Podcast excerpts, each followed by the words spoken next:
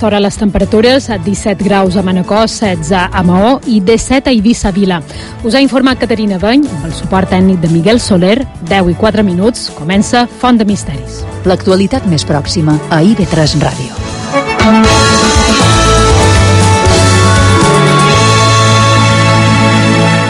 IB3 Ràdio. La ràdio autonòmica de les Illes Balears.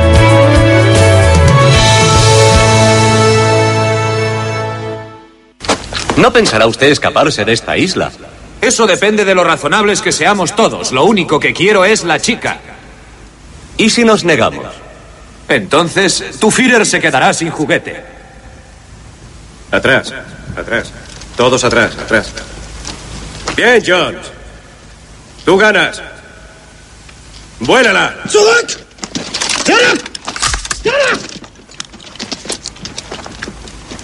Sí, vuélala. Devuélvesela a Dios. Te has pasado la vida buscando reliquias arqueológicas. Dentro del arca hay tesoros que sobrepasan tus más increíbles sueños. ¿Quieres verla abierta tanto como yo? Indiana, nosotros solo pasamos por la historia. Esto... Esto es historia.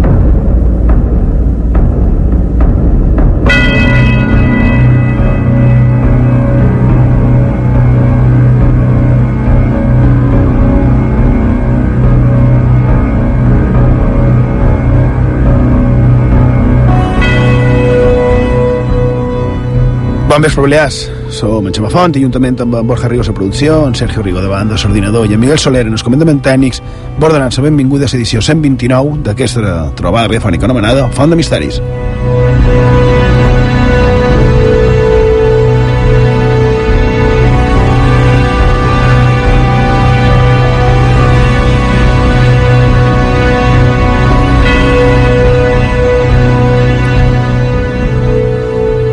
Rigo, bon vespre. Com estàs? Bon vespre. Què tal, bé? I bé. Fantàstic. Això m'agrada. Vares per anar a lo que va fer en, en Sergio a sa UIB? No, no vaig per anar, però com vaig participar a l'ombra, eh, ja tinc una mica present de que, de que anava... Exacte. Sí. Que el seu seria que mos explicassis tu, Sergio, bon vespre, com estàs? Bé? Sí. Tot bé? Fantàstic. Tot bé. Um, això de sa, de sa UIB faig referència per qui no ens va escoltar la setmana passada a que la nostra universitat va haver unes ponències d'història i entre d'altres hi havia amb ells en Sergio Rigo. En Sergio Rigo va dur uh, com ho podríem dir, Borja, tal vegada va dur part del que parlam a un programa com aquest, va anar a la Universitat de les Illes perquè encara que són temes relacionats amb el misteri eh, són temes relacionats també amb la història. De què vas parlar, Sergio? Bé, jo vaig fer dos ponències. La primera va ser sobre el Titanic, sobre la notícia de l'enfonsament del Titanic aquí a Almudaina, es diari Almudaina, com va tratar aquesta notícia, i després sobre la vampira de Barcelona a Palma, que van comentar fa un parell de programes. La vampiresa de, de Barcelona Palma, en Enriqueta Martí, és una història d'aquestes també molt truculentes, perquè la del Titanic té molt de punts estranys, punts foscs, però de la de la maleïda vampiresa de Barcelona no n'hi ha cap de fosc, tot és fosc en si mateix, no són punts. Era una senyora que, que es dedicava, bé, conta tu, què feia aquesta senyora? i llavors se dedicava a extorsionar nins, a segrestar-los, inclús deien que fins a matar-los. I quan va venir aquí, que va venir, que va fer, que va deixar de fer, perquè se va fer popular la seva estància aquí. I de, en Perquè principi, mos va cridar l'atenció, principalment. en, prin en principi diu la premsa Salmudaina que no va, no va fer cap malifeta aquí a Palma, que va vendre molt de mobles, va comprar molt de mobles, però... i que va caure en sindicat, com a anècdota, però... I la va atendre el metge d'Arder, el famós metge d'Arder que ara té un carrer a ciutat. Sí, i... i, i... El que diu també, ara que me'n record, després de trascar una mica amb en Sergio, que el seu home, després d'aquest viatge junts, que van fer per comprar mobles, sí que va venir diverses vegades més a Mallorca, i comprava herbes i cosetes estranyes que ficava pots i enviava després cap a, cap a Barcelona. Herbes que podem imaginar que servien per fer aquelles coses estranyes de fet, ho diu el Joan Puigdeló, con posterioridad vino en distintas ocasiones a Palma dedicándose a una de ellas a la compra de hierbas medicinales que remitía a Barcelona después de secarlas en potes de cristal y en otras se dedicó a la venta de guarniciones usadas. És que ara en Sergio ha tret la carpeta i ha tret els seus paperots per, per poder llegir-ho. La veritat és que, és que és molt interessant i és el que deia, forma part de, de la nostra història, història a fi de comptes recent, fa, fa cent anys d'això, sortia publicat a Salmudaina i el més eh, esgarrifós és quan varen fer menció explícita en el diari de que afortunadament mentre va estar aquesta senyora, l'Enriqueta Martí, va estar a les nostres illes, no hi ha constància de cap desaparició de la multitud de desaparicions d'infants que li varen associar.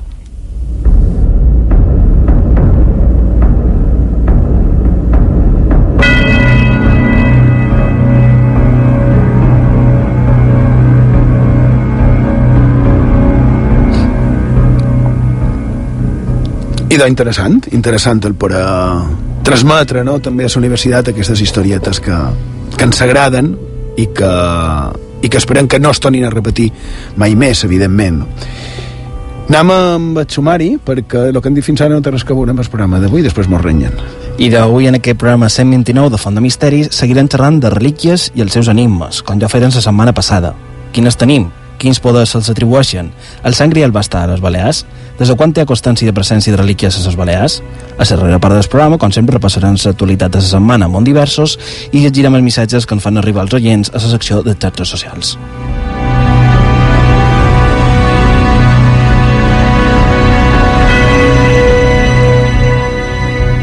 I ara que, que dius això de les xarxes, com sempre agraïm els, missatges, els comentaris, les, observacions, també, evidentment, les descàrregues de, dels programes les xarxes, i, i sí, bé, tot això semblant, no? Que sempre estan al vostre abast, però quan estem, com ara, en directe, i de més, no? Perquè aquí eh, és, és el moment, no? Està tot a punt, Sergio? Sí, està tot a punt, ja tenim el Facebook i el Twitter obert perquè ens envieu tot allò que vulgueu. Només heu de cercar Font de Misteris, també ens podeu enviar els vostres missatges en els WhatsApp dels programes 659 1669 52. Repetim, 659 1669 52 i en el correu electrònic fontdemisteris arroba ib3radio.com. També recordam que ens podeu escoltar a ivox.com, a fontdemisteris.com i en servei a la carta de IB3 Ràdio.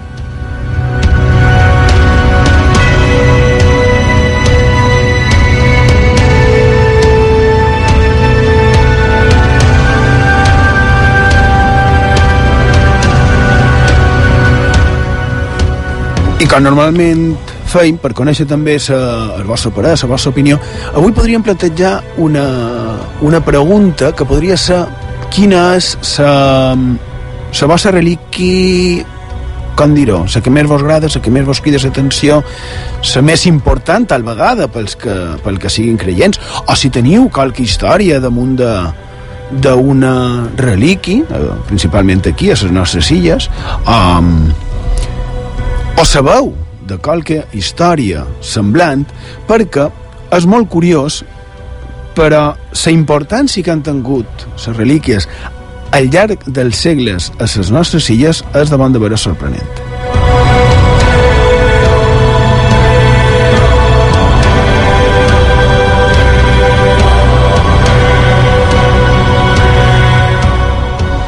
I de tornem amb el, amb el tema, com deia aquell per aclamació popular, no? això exagerant una mica, però sí que és cert que ens heu dit un, un pot de tot. El tema en si mateix agrada, és atractiu, és cert que, que sí, ho és, però estem contents perquè, perquè ens heu donat opinions i, i les agraïm i en general ens heu, ens heu transmès que, que vos ha agradat no? així que com, com ens ha semblat que aquestes curiositats històriques que, que hem tractat les heu trobades adients continuarem amb, amb el tema així que, tal com han dit, tornem amb més relíquies i, i semblants no? més estranys casos en els que quelcom sovint molta gent, no? creu que qualque objecte, qualque persona o qualque despulla d'una de, persona li, li conferirà, li donarà poders, no? ja siguin de, de curació, de tenir més sort o, o el que sigui, Bé, aquí cadascú és cadasqual. I quan ja vàrem veure, això ens ve d'antic. I, I està rodejat, estem rodejat de casos, casos de gent que, que fins i tot abans de ser declarats sants o, o beats, són aclamats com a tal i els s'aveneren fins al punt de tractar d'aconseguir qualque reliqui o relíquia del seu cos que encara és calent. La setmana passada varen veure el cas d'en Alonso Rodríguez abans de que, el, eh, de que el fessin sant, que ho va ser. També d'en Antonio Llinàs, que aquest crec que no ha estat aixecat als altars, com diuen, però n'hi ha més, no? com en un tal Domingo Riera, de Sineu, mitjan del segle XVII, que d'aquest m'agrada que precisament aquest senyor va, se va fer famós, entre cometes, a la seva època, perquè va anar a Marsella per veure relíquis, no? Quina casualitat. Va anar a veure les relíquis de Santa Magdalena i de Sant Maximinio. Hm? I dic casualitat perquè estem parlant de relíquis i aquest va anar no? a veure això. I en tornar d'aquell viatge, a més també m'agrada això d'aquest senyor, va d'una impremta per tal de poder imprimir en el seu propi convent. Eh? Va morir l'any 1709 i van exposar el seu cos a Santo Domingo. I amb ell va passar el mateix que van dir la setmana passada amb, el, amb els altres, no? tot ple de gent que, que anava a cercar, així figures les cròniques, relíquits seves, no? per, per la seva fama de santedat. I, i clar, i això me fa que pensar, i a dia d'avui, on deuen ser aquestes relíquies de tots aquests que els hi varen agafar bocinats i, i, i que després no han arribat a, a ser considerats sants? Perquè, clar, supos que si el Vaticà no els se declara sants o beats o, o venerables, el seu valor serà un altre, no?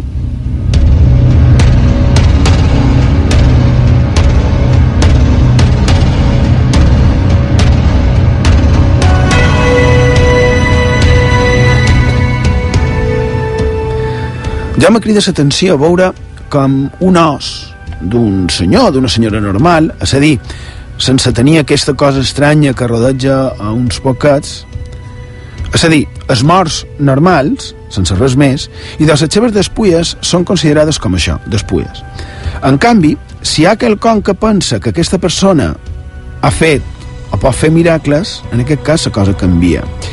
I clar, quan un veu una gran quantitat d'ossos, per exemple, les catacombes de París, milions de persones allà enterrades o allà depositades, que per cert eh, recordem que, que hem de parlar de les catacombes de París i, i crec que allà dintre l'únic que hi ha que no té relació directa amb despulles humanes, amb ossos, amb restes humanes, és una maqueta feta amb pedra, esculpida, fa 200 anys, de com era esport de Maó. És a dir, vas per allà caminant i de cop i volta ho veus allà dintre i dius, i això aquí? Bé, això qualque dia ho explicarem. Però a part de l'acumulació d'ossos de, de les catacombes de París, n'hi ha més, no? com els ossos que també vareu enviar-nos link, un oient, ho agraïm, eh, de la capella dels ossos de Sedlec, a la República Txeca. Una església, la coneixeu? Sí, eh? Són imatges espectaculars. Sí, és que, sí, la paraula pot ser aquesta. Imagineu una església en tota plena d'ornaments fets amb ossos humans, mobiliari i ornamentació no de fusta, no de pedra, sinó tots ells elaborats en restes humanes. Làmperes, escuts, eh, relleus, la pila baptismal, columnes, tot.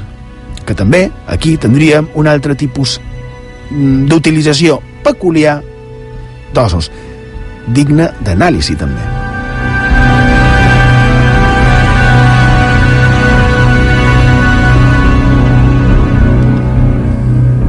Altres exemples, aquest també pels que els hi agrada eh, lo gore, no? lo, lo gòtic, lo relacionat amb sa, amb sa mort. I no, preneu nota. A part d'aquesta capella de Cèlic de, de Praga, sa de Faro, Nostra Senyora do Carmo do Faro, a Portugal, també a Portugal la d'Èbora, una cosa semblant, totes les parets folrades d'ossos. En aquest cas eh, són monjos i de gent que tenien enterrades allà. N'hi ha una altra, la dels Caputxins a Roma. Aquesta també, atenció, en cossos dissecats, sencers, penjat de ses parets, que més van vestits en sos hàbits. És a dir, imagineu un monjo amb el seu hàbit, en sa caputxa, tipus per, per fer sa, sa imatge, tipus del nom de la rosa, i de... El tens allà, i de a sa cara, en lloc d'una cara, sa calavera, en sa pell eixuta, com ses mòmies per dessecació, també ses mans i, i els peus, no? De lo més lúgubre que podeu imaginar. N'hi ha moltes més. Àustria, Perú, Polònia, ara fa un parell d'anys també van trobar unes catacombes en restes de més de 50.000 persones i, i les restes d'aquestes persones estaven col·locadetes, aquí escapats, aquí es femus, costelletes, tot ordenadat, i feia 200 anys que estaven a una capella i aquesta capella se va descobrir l'any 2001 la República Txeca també i bé, eh, tot això tots aquests exemples són suposadament per mostrar en el poble lo efímer de sa vida no? la banalització que té es, aquest cos terrenal allò que diuen de que venim de sa pols i a sa pols tornarem i clar, aquí un es demana si és així per què es valora tant una resta física d'una persona determinada? Penseu que hem parlat de milions de despulles humanes ara fa un moment, eh? I de, per què li donen tant de valor a una relíquia, és a dir, a un bocinat d'os d'una determinada persona?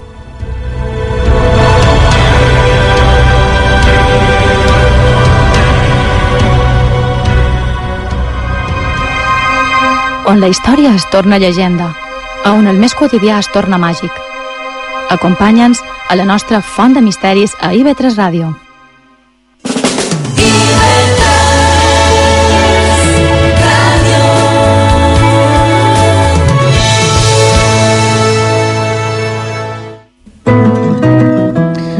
Sa dansa, es cos, al servei d'una campanya de sensibilització per combatre la tracta de dones i nines. Aquesta campanya tracta d'evitar-la, de la qual en venim parlant a IB3 Ràdio.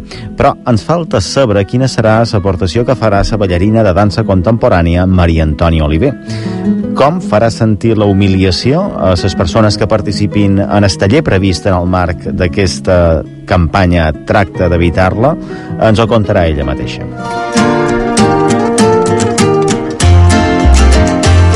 Així començarà aquesta setmana Flors en el desert. Després, moltes altres protagonistes per connectar amb la lluita social arreu del món.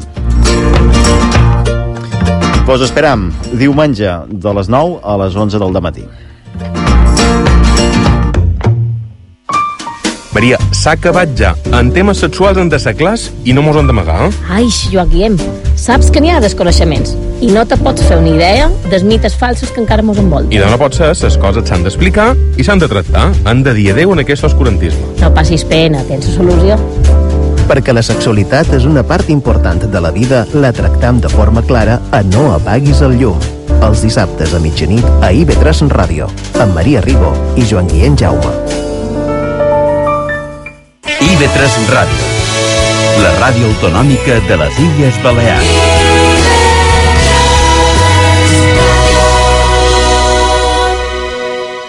A IB3 Ràdio, Font de Misteris.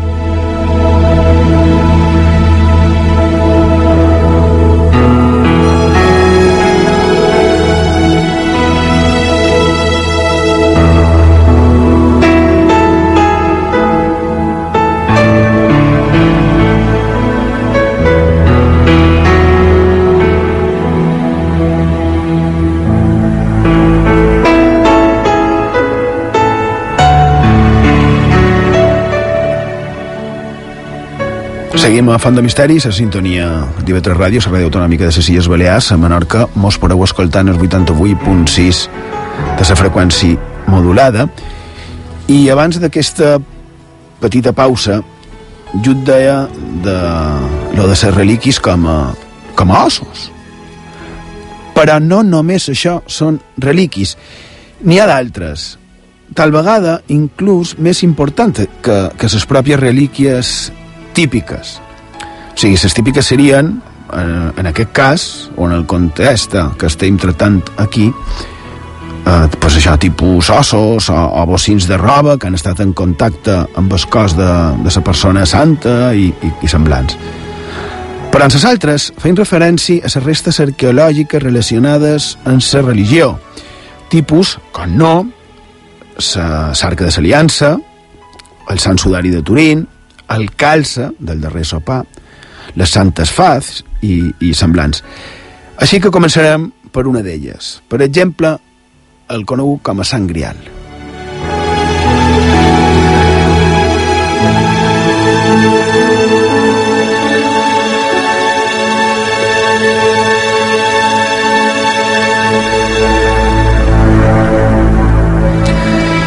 I sí, han triat aquest perquè com no podria ser d'altra manera, el Sant Grial, el calze emprat en el darrer sopar, sempre, suposadament, però aquell objecte va estar molt relacionat amb les nostres illes.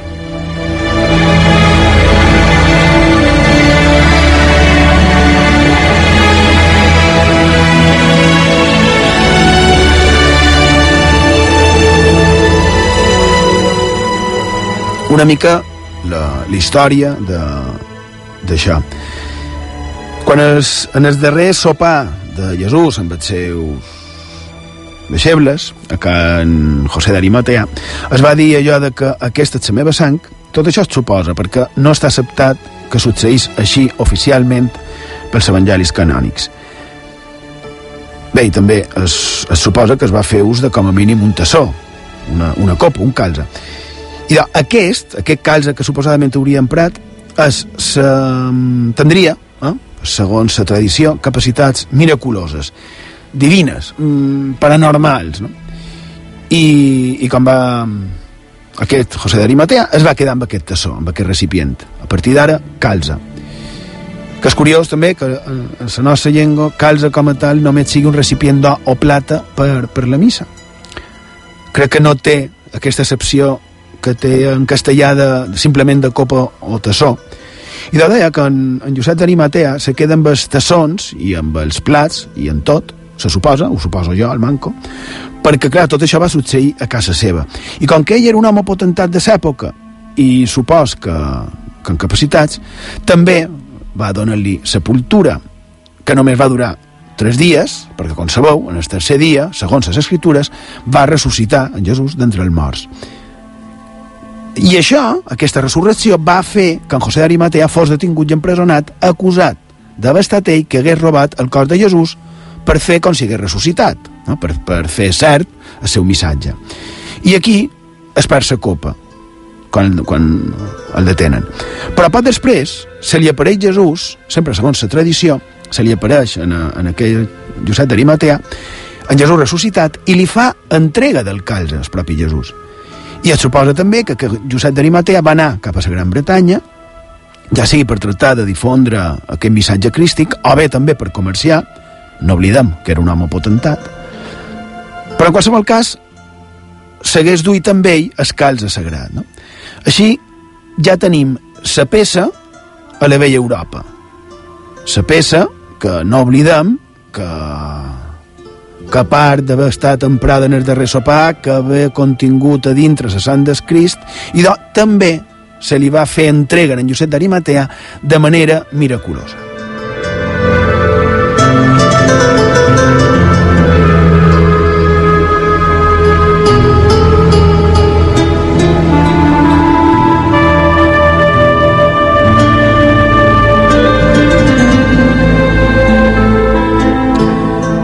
Passen mil anys, així de cop, aquells mil anys foscs de la història del que se sap tan poca cosa, i se torna a sabre d'aquesta relíquia.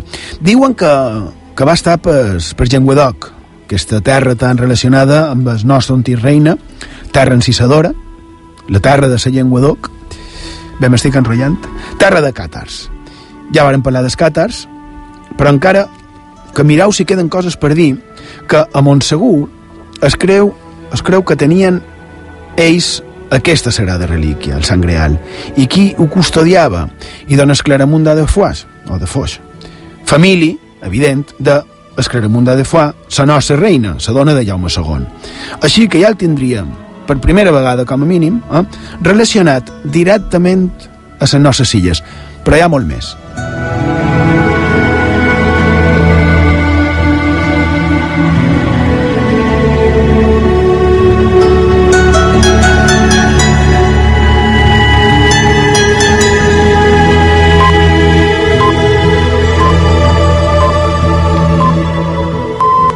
Bé, si és, si és cert que Montsegur era on s'amagava el Grial, és fins a cert punt lògic no, que atacassin aquella, aquella fortalesa sobretot tenint en compte que els suposats heretges eren escates. Clar, era impensable que la sagrada relíquia per excel·lència del cristianisme estigués, estigués en mans d'heretges. Uh, efectivament, a més d'uns heretges que no creien en aquestes coses. De totes maneres, mm, no sabem si és segur o no és segur que estigués a Montsegur, precisament, vaja, quina redundància, però el que sí sembla és que ells ho pensaven, i això va fer que, que efectivament fessin aquell, aquella situació també tan brutal, tan impressionant que va succeir a, a Montsegur.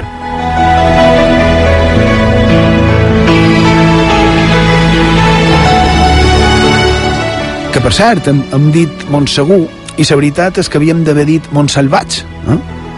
Montsalvat també li diuen i per això eh, es diu que tal vegada eh, el Grial hagués estat allà a Montsegur però també hi ha qui deia i qui ho diu, clar, que aquella peça sagrada aquell objecte de poder tal vegada el més poderós de tots hagi estat a un altre món de Montsalvat a Montserrat al monestir de Montserrat, a Catalunya, indret també, també ple de màgia, joc de culte, i en les seves semblances, que encara no les hem tractat aquí, Borja, les semblances que té el monestir de Montserrat amb el monestir de Lluc. Crec que haurien de prendre nota, no? La nota està, està presa fa estona. fa, fa un parell de, de dotzenes de programes, no? I de... I de ho hem de fer.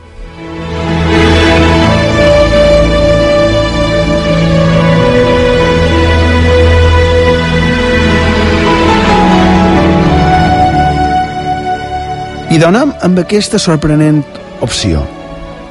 Començam amb un senyor, amb Botorran, que aquesta història, jo per associació, eh, sempre me'n recorda en el, en el nostre amic col·laborador, en Carles Albarracín i també en Antoni Mayans, que més amb ells, ja ho vàrem estar contant quan, quan vàrem fer l'entrevista damunt Que, per cert, salutacions en, en, en Carles i senyora que te varen veure l'altre dia i no varen poder fer la xerrada perquè estàvem perseguint de la vampira ah, mal. i no tenien gaire temps. Uh, supos que ara ens enviarà un, un WhatsApp. Bé, uh, el que deien, que vàrem anar a veure uh, aquests indrets càtar, van fer una mena de ruta càtar per aprendre més damunt d'aquest interes, interessantíssim tema. I de què? No Torrant era un alemany de principis del segle XX, molt esotèric, molt vinculat amb el tema precisament dels càtars, en el sentit de que els va estudiar fins l'obsessió, no? De fet, diuen que la seva prematura mort, de no Torrant, congelat a les muntanyes austríaques, tenia relació amb ritus càtars. No? I va escriure també, va fer publicació damunt del càtars. Però aquest, no Torrant, a més de tot això, era membre de, dels nazis, no? membre del Partit Nacional Socialista i oficial de la CSS. Va morir l'any 39 i no sabem fins a on hagués arribat, no? fins a on hagués pogut arribar. Però sí que va estendre la història del, del Grial. Per cert, no Torrant, això me va cridar molt l'atenció, tenia la teoria de que Carcassona, Carcassonne, hagués pogut fàcilment estar sota el poder o sota la protecció de l'infant Ferran de Mallorca, allà per l'any 1300. Això no ho sabies, eh, Sergio? No. Vist? Que damunt d'aquest tema també crec, Sergio, que haurien d'aprofundir, no? d'aquesta possibilitat de que Carcassonne hagués eh, format, eh, hagués estat sota el domini de, de Ferran de Mallorca. I del que deia, que de, eh, de les seves corolles, de si és Grial, de si Montsalvat o Montsegur, quan ell mor, suposadament perquè hi ha qui té clar que realment no va morir l'any 39, sinó que com que tenia ascendència jueva, varen, van simular una mort estranya per donar-li una altra personalitat, no? I, i enviar-lo a fora. En aquest cas, l'haurien enviat a la frontera franco-espanyola. Però mentre, mentre tot això succeïa, un altre membre del partit, un dels personatges més odiats de la història, un alt dirigent dels nazis, ideòleg i executor de les seves bestieses, que, per cert, m'està mostrant ara mateix, que ha estat publicat avui de cap hora baixa, El País. La edición crítica de mi lucha de Adolf Hitler se convierte en el libro más vendido de Alemania. Digna d'anàlisi, també, eh? Digna d'anàlisi. I de, el que dèiem, un dels alts dirigents del nazisme es va interessar. Això sembla per ser reliquis en general que conferirien poder, poder, és a dir, els nazis interessats per l'obtenció del poder mitjans objectes sagrats.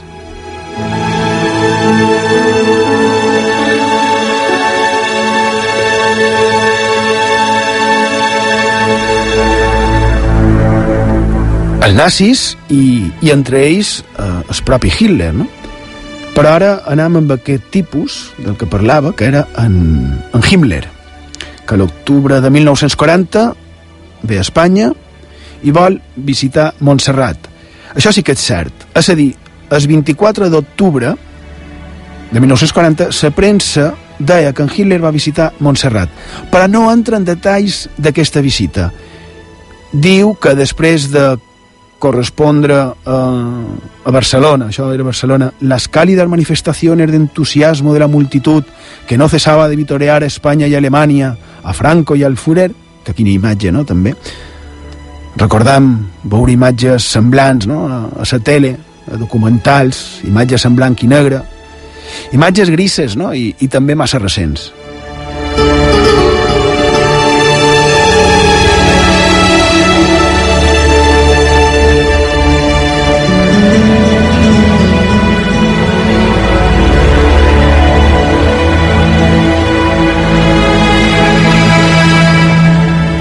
Després, amb això sí que entra en detalls, diu després que se'n va dinar en el saló de lectura del Ritz, que en Himmler, quien lucía la condecoración de la Orden Imperial del Yugo y las Flechas que en su visita a Madrid le concedió el caudillo, és a dir, com dic, entra en detalls, però en els detalls que ells volien, clar. I després sí que diu que se'n va a Montserrat i ho diu així. A las tres y media, terminado el almuerzo, el ilustre huésped salió en automóvil para Montserrat, acompañado de todos los asistentes al ágape. En Montserrat visitó con todo detenimiento el monasterio y admiró las bellezas del paisaje, singularmente las que se divisan desde el funicular aéreo, en el que subió al pico de San Jerónimo. El rey Führer y las personalidades alemanas que integran su séquito regresaron de la excursión muy satisfechos para asistir a la recepción que en honor del primero dio el cónsul general de Alemania en su residencia. Hi ha qui diu, diu que aquesta visita a Montserrat no va succeir mai, que és literatura, que és imaginació. I doncs sí, a la premsa de l'època està la prova. I és curiós que no va voler interessar-se pel monestir com a tal, no va voler visitar la basílica, sinó que, com va dir un dels seus acompanyants, el general Wolf, segons parlava la premsa, quan anaven a mostrar-li la part de la basílica, la part religiosa, va dir-li uh, a un capellà, el pare Ripoll, li diu perdoni, però a la seva excel·lència, referint-se a en Himmler, no li interessa el monestir, sinó la natura.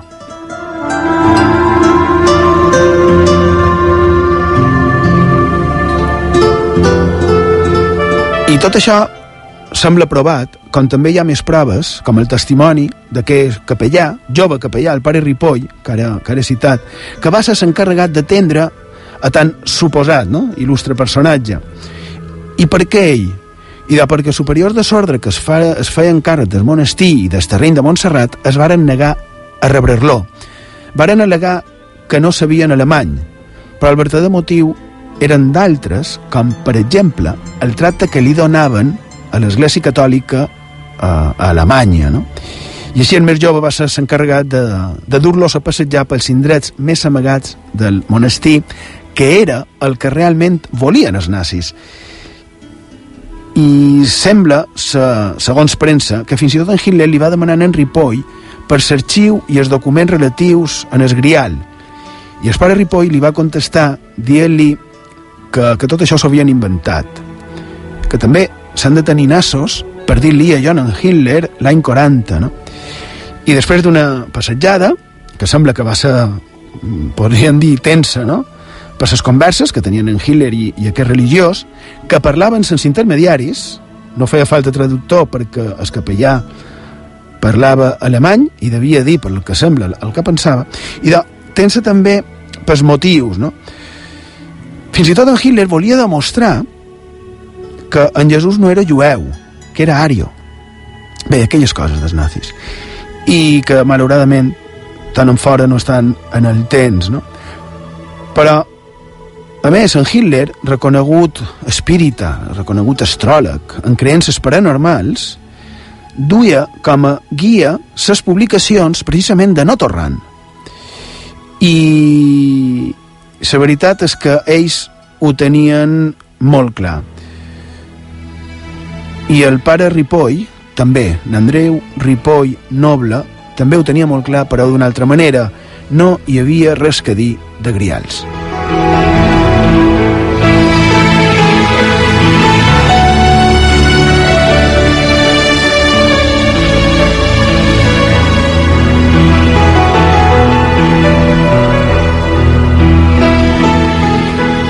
De fet, ara me ven cap una, una frase atribuïda precisament a en, a en Hitler en les converses amb el pare Ripoll, quan ell se nega a, a mostrar-li aquests documents griàlics, aquests suposats documents, eh, en Hitler s'enfada una mica, o, o no tant una mica. Bé, perdona, no es nega com a tal. Diu que s'ho han inventat. Bé, sí.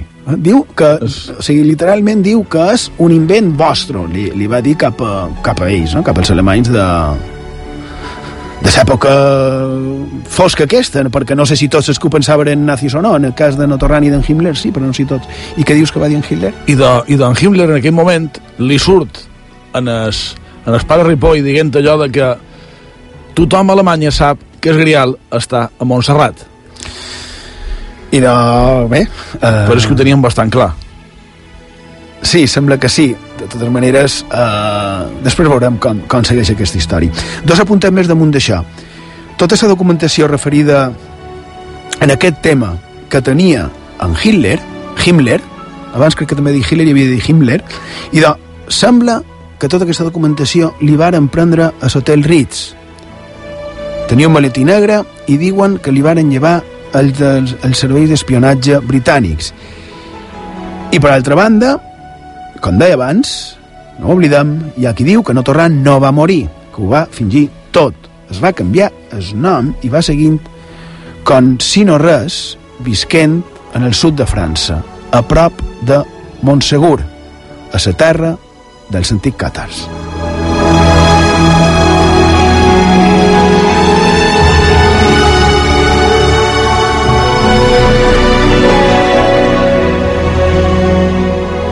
A IB3 Ràdio, Font de Misteris. IB3 Ràdio, la ràdio autonòmica de les Illes Balears.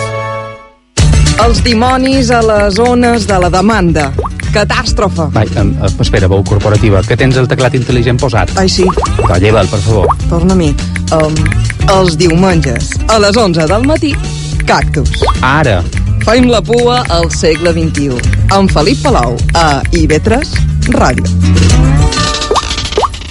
Tots els vespres, IB3 Ràdio et convida a fer un viatge per la societat de Menorca i de les Illes amb Nura.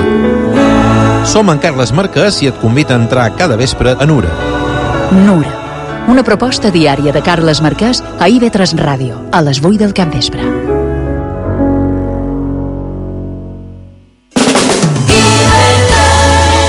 IB3 Ràdio. Ràdio autonòmica de les Illes Balears. A IB3 Ràdio, Font de Misteris, amb Xema Font.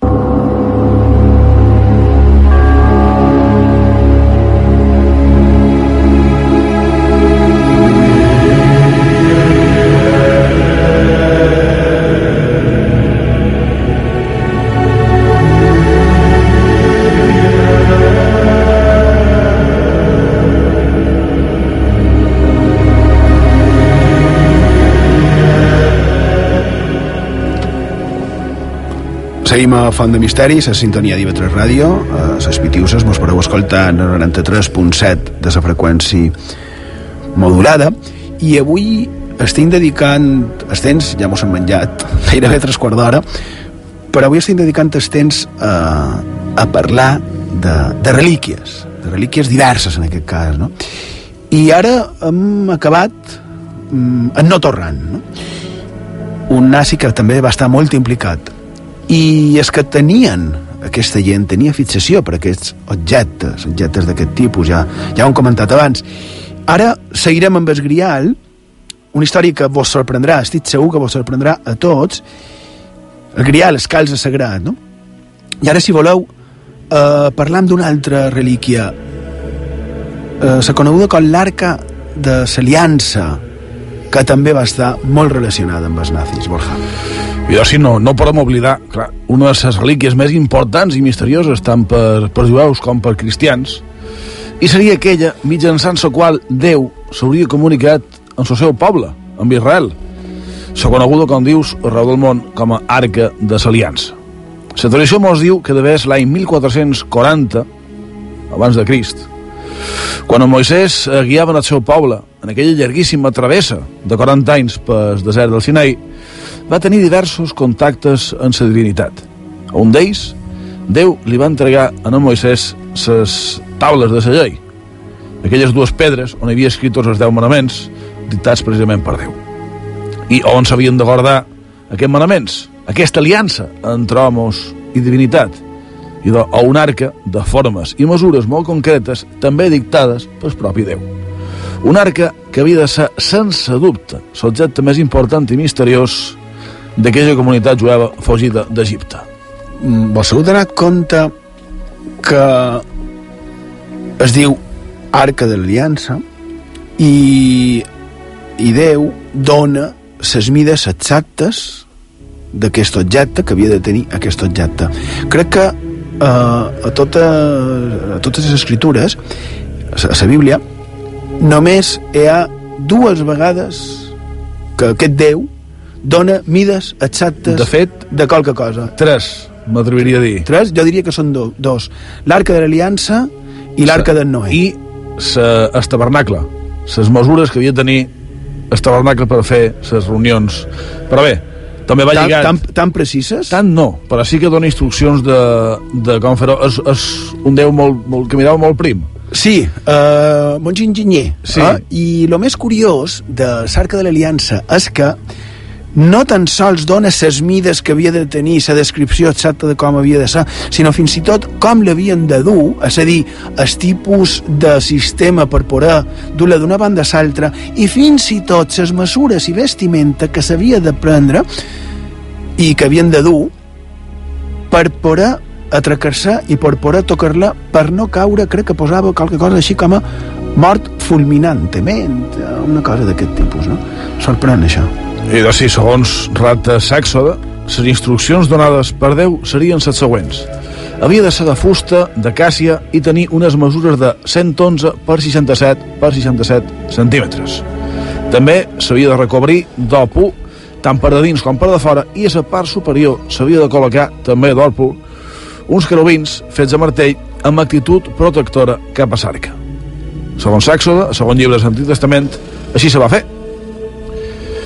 Entre múltiples atribucions màgiques i fantàstiques, les escritures mos diuen que Déu se presentava damunt l'arca per conversar amb Moisès.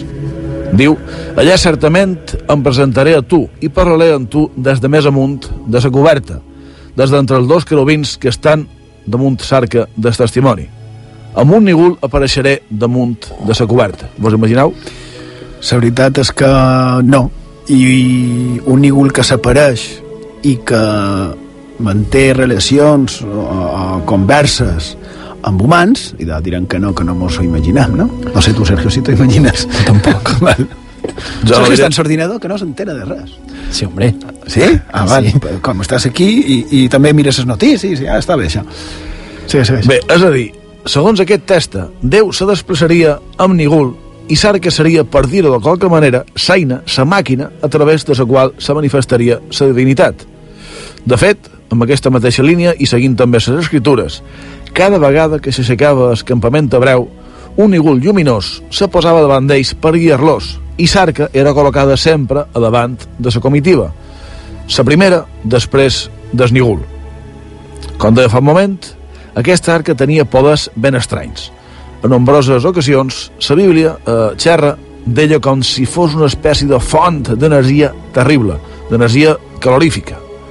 Una lluminositat divina sortia d'ella i feia que els que s'acostassin a l'arca caiguessin morts, com deies tu, o patissin gravíssimes malalties més pròpies quasi d'una catàstrofe nuclear que d'una peça religiosa. De fet, com a curiositat eh, que mostra el suposat enorme poder d'aquest artefacte, tenim l'exemple de, de setge a la ciutat de Jericó. Després de set dies eh, en els quals una comitiva de 40.000 jueus fan que Sarka faci voltes a les murades de la ciutat, els jueus fan sonar les famoses trompetes i a continuació, com diu la tradició, les murades de la ciutat cauen totes soles. Sí, sense una explicació massa raonable, no? Jo el que deia fa un moment, me crida l'atenció d'aquest objecte, eh, aquestes mesures que, que diu el text bíblic que, que s'havien de prendre per, per atracar-se ell, no? D'higiene, de, de robes, d'ungüents fins i tot, que, que s'havien de, de posar, a més són determinats sense caure en cap tipus de- d'error que havien de ser uns que encara que fossin semblants a un, si és encens, per exemple havia de ser un determinat, no un que fos semblant. No, és que li donassin i deia que si no moriries. És, com ha dit en Borja fa un moment com si desprengués qualque tipus de, de radiació no? la veritat és que la Bíblia és un, és un llibre fascinant no? és, és impressionant. Digues, digues. I bo, avançam ara en el temps i arribam fins en aquell moment just en què els jueus protagonistes de l'Èxode veuen per primera vegada ser coneguda com a terra promesa en el moment en el qual Moisès pugen a Sim Nebó ensenyen en Josué les particularitats precisament de Sarca i de com de conduir el seu poble i desapareix. La mort de Moisès també és un enigma, un gran misteri. I sa seva sa, sa... desaparició també. Tot, sí. Bé, una vegada establerts a Israel, com és ben sabut, Sarca se guardaven a Santa Santorum del temple d'en de, Salomó i ella va restar. El més curiós, però, és que abans, durant la guerra entre hebreus i filisteus, filisteus és el poble que hi d'en de, Goliat, de gegant, i do, aquests l'haurien robat i col·locat en el temple de Dagó, amb nefastes conseqüències, com una epidèmia de pesta, que clar, van atribuir a la presència subjecta. Tanta por li van agafar, imagineu, que la varen tornar en els hebreus. No volien saber res d'ella.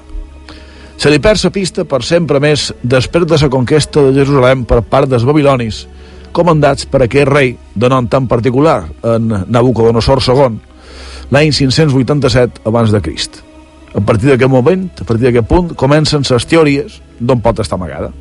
Una mos diu, per exemple, que en Jeremies, davant l'invasió babilònica, la va fer amagar en el Nebó, que deia fa un moment, segons se recull el manco en el llibre dels Macabeus. Altra hipòtesi mos diu, i aquesta és una de les que més força tenen, que Sarca se trobaria a Etiòpia i que hauria estat traslladada pel rei Salomó en secret. Rei que, per cert, a més, podia volar pels aires i viatjar uns minuts des del seu palau a les cambres de la reina de Saba.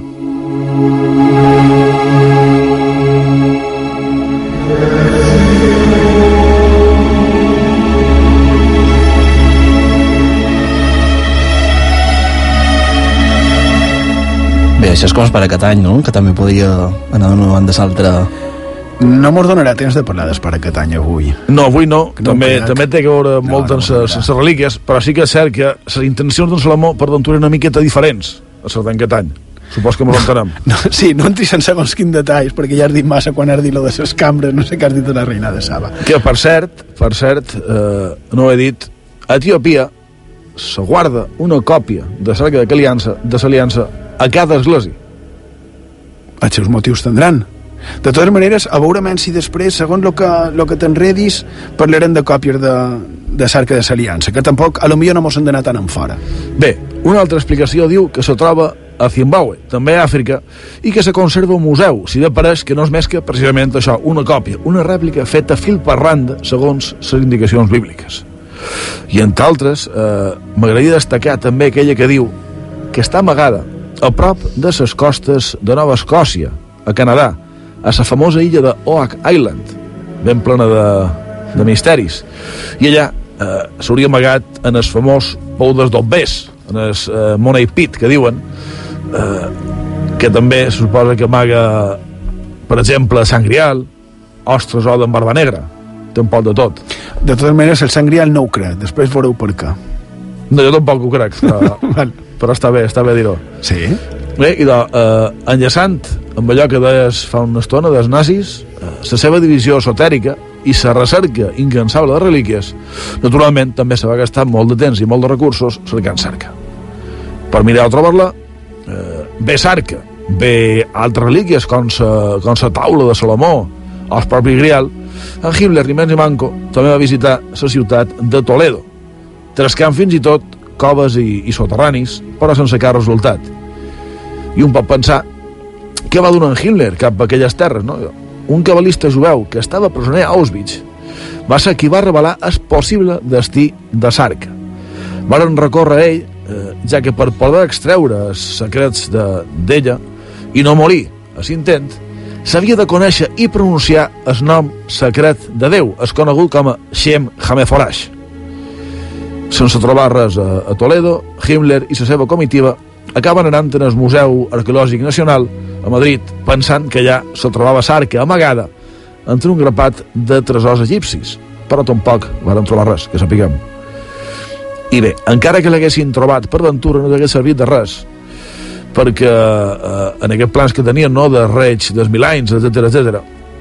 perquè el que no sabien o el manco no, no deien és que segons la tradició eh, després de la mort del bon Jesús a la creu se romp aquest pacte entre Déu i els homes i d'aquesta manera el poder de Sarca fos on fos queda anul·lat.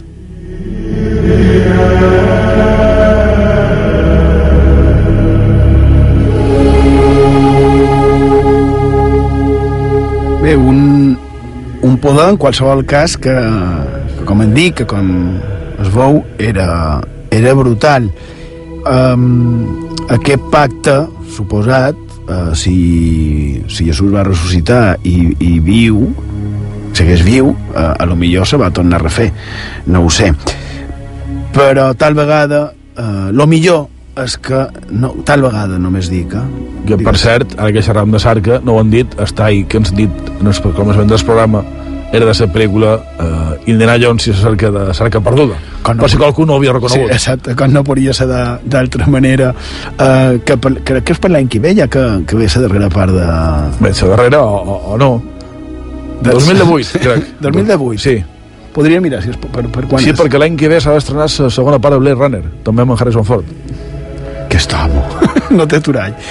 I de, no, jo el que volia dir és que lo millor podria ser, tal vegada, és que uh, Sarca és millor que no sabi on és, perquè, clar, un, un pot atribuir-ho a aquest poder a temes religiosos o d'altres tipus, el de sempre, no? Aquí cadascú és, és cadasqual i també som lliures de, de pensar amb el que vulguem, no? No ho sé, dic jo. Uh, o sigui que tal vegada sigui millor que no se sàpiga on és. Bé, malgrat no se sàpiga on és en realitat Sarca, sí que és ben cert que arreu del món eh, circulen un bon grapat de còpies, com ho deies fa un moment, o reproduccions, que clar, sense tenir aquells poders terribles, són una fantàstica manera de comprovar a prop com era aquell mític objecte. De fet, aquí a prop, ben a prop dels estudis de Vitra Ràdio, a Palma, a Manco, 15 minuts a peu, tenim una còpia, una que s'aguarda a l'església basílica de Sant Francesc. I, com a prova d'això que deia, una notícia també d'aquesta mateixa setmana, ¿no, Sergio? Sí, efectivament, Borja, la revista Enigmas llegíem Desvelan el misterio del Arca de la Alianza hallada en Barcelona. Una insólita talla embellecida con pan de oro que representa el Arca de la Alianza y cuyo rastro se perdió hace 100 años ha sido hallada en una capilla olvidada durante décadas de la Basílica de San Just y de San Pastor en Barcelona. La obra tiene un grosor de 30 centímetros y mide 1,70 metros de alto y 2,89 de ancho e incluye los extremos de la barra que cargaban a hombros los levitas, los hijos de Levi, miembros de una de las doce tribus de Israel y los encargados de transportar el arca y la travesía por el desierto. Una altra còpia que s'ha recuperat, però, si bé, si mos fixem en les mesures, molt més gran Sí, de les mesures i- originals.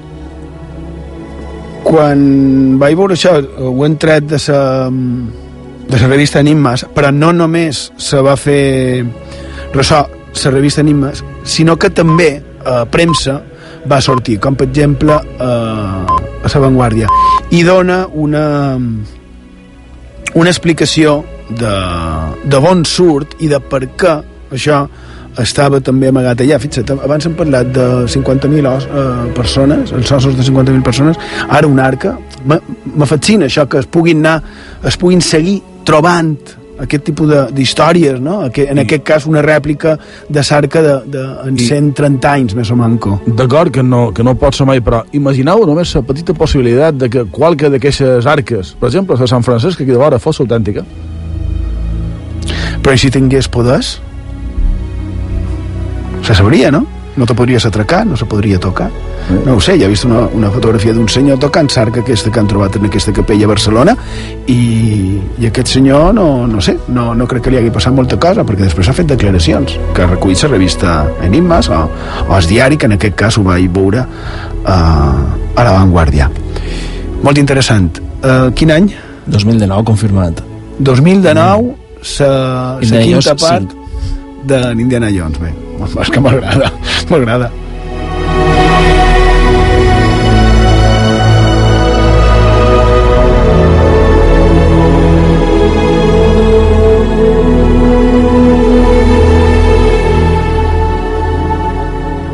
I ara mos anem amb una de les altres relíquies més importants, eh, amb més poder, suposadament, arreu del món.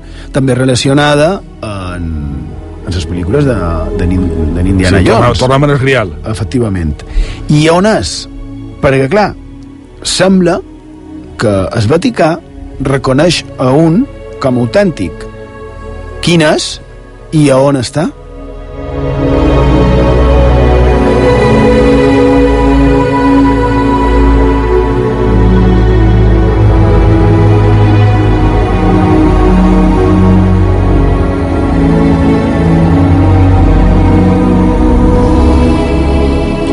I donem a veure quin és el que té més possibilitat de ser l'autèntic, el que hauria emprat en Jesús en el seu darrer sopar. I diem autèntic no perquè ho diguen nosaltres, sinó perquè el propi Vaticà, els seus representants, els papes de Roma, l'han emprat a les seves celebracions religioses.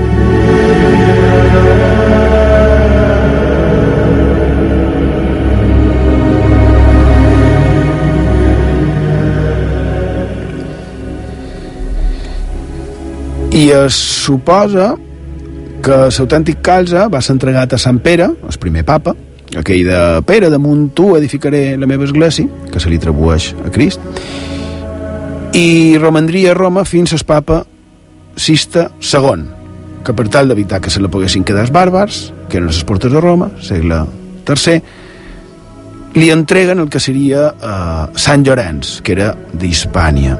I ell l'envia cap a Osca, i allà hi seria fins que arriben els musulmans. I l'amagarien en els Pirineus any 712 primer unes coves i després en el monestir de Sant Juan de la Penya a Jaca, Osca. La veritat és que va donar moltes voltes aquesta suposada relíquia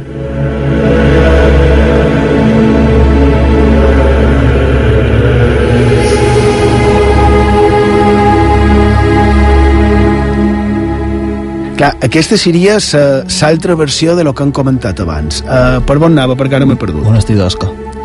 Estàvem a Osca.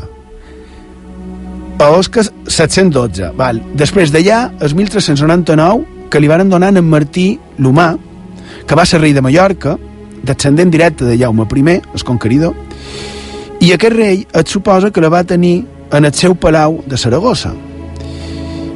I eh, l'any 1424 el seu successor en el setial, el seu nebot net, en Alfons V, el magnànim, eh, se'l du en el seu palau de València. I d'allà, l'any 1437, a la catedral de València, on encara és avui dia.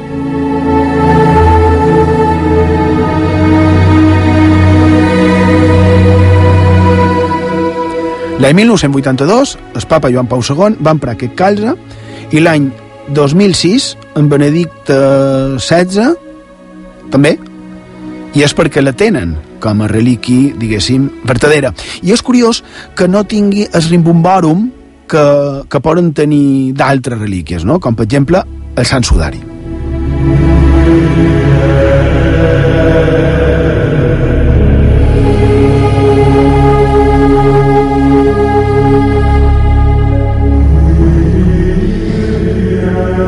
Aquesta relíquia, la copa, millor dit, estassó, que, que va estar en mans de reis de Mallorca i que segurament en els seus viatges la, la, la degueren dur i per tant és probable que hagués estat per aquí també pel segle XIV però també més tard ha estat a les nostres illes i probablement gràcies a, a un d'aquests viatges a Eivissa i a lo caparrut d'un ibicenc encara avui la podem veure a València.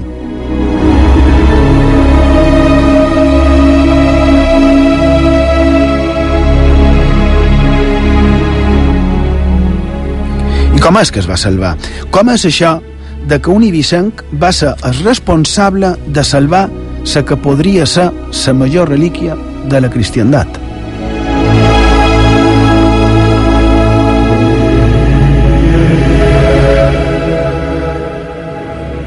No oblidem que el manco, segons estudis científics, es, aquest del carbó 14, carbono 14, no s'ha pogut fer per, per, per, per com està feta, però, segons estudis, aquest tassonet és de l'any 0, més o manco, 50 abans de Crist, cap a 50 o 100 després de Crist, el qual és, és com curiós, no? que, que sembla que és d'aquella època. Seguim amb, amb com es va salvar aquesta relíquia a les, a les nostres illes. Sí, però, però una, una qüestió una qüestió eh, que per qui l'hagi vist pot pensar com pot ser que tot allò, perquè fa d'haver un metre d'alt? No tant. No, bueno, no tant, no, no. És, és, és, és grandota. Té... no, però un, un parell de pans bons sí que, sí que fa. Jo la faig més petita. Té una bona base. Cerca I, clar, cerca i, i, i un se demana, se pot demanar. eh, tot allò és autèntic es tenen el darrer sopar amb, amb allò damunt la taula eh, agraeixo que em faci aquesta pregunta. No, la veritat és que eh, només és una part, la part d'estassó, per això ja has fet ben dir-ho. Jo feia sempre referència en estassó. Hi ha una, una part petita que està feta, de, crec que és d'obsidiana, d'un mineral, que està tallada, i després l'altra part és eh, feta per orfebres al llarg dels segles, que és amb pedres incrustades... Sí, són afegits posteriors. Exacte. I d'aquí el seu valor està molt bé que hagis demanat això. Uh, seguim amb això. 1808. Espanya plena de francesos. De l'has trobada? Sí. Ses mides? Més o manco? Bé, no, mira, aquí sabeu, en Benedicte la té en ses mans, ho veus, Borja, és de, és de sí. tamany de, de pel·lícula, eh? és tamany de la pel·lícula, però la part vertadera deu fer quatre dits d'alçada, l'altre és un afegit posterior. I de, uh, um, 1808, Espanya, amb els, amb els francesos, amb els francesats, que s'havien anat ficant a poc a poc dins terres espanyoles fins al 2 de maig, no? el famós dia, que ja és casualitat, si, perquè si ara dic 2 de maig, que se mos ve en el cap? Una cosa que no diré, i una altra, eh, una obra d'en Goya. I de, justament avui, sabia, sabia que ho diríeu, l'aniversari, Efectivament. 188 anys. I de, anem amb, amb, el que, amb el que dèiem. 2 de maig 1808, eh, es poble, fart, s'aixeca contra l'opressor, contra l'invasor, contra l'enemic, com ho vulgueu anomenar. El cas és que comença la coneguda com a guerra de la independència, aquí coneguda com a guerra del francès. I com a totes les guerres, suposa, evidentment, violència, patiment, destrosses. L'any 1811, les tropes franceses s'atraquen massa a València, que encara havia pogut estar sense massa perill. Així que sabent el que passava amb els tresors de les esglésies quan, quan queien en, van, en mans enemigues, comencen a pensar... Bé, quan, quan cauen en mans enemigues i també amigues, com ara veurem.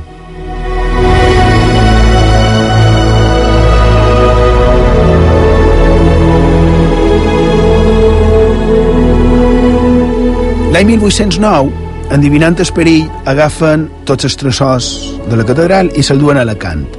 61 ca caixes immenses, que algunes, diuen ses cròniques, que feien falta fins a 10 persones per moure-les. Quan ja es relaxen pensant que no hi havia perill, les tornen cap a València i quan les estan començant a col·locar, tornen els francesos i que en aquell moment tot són presses, han de fer via i agafen el que poden i ho envien cap a Esport de València i d'allà cap a Eivissa. 22 caixes d'aquelles 61 originals arriben a Vila 4 de març de 1810 i entre ells el calze el grial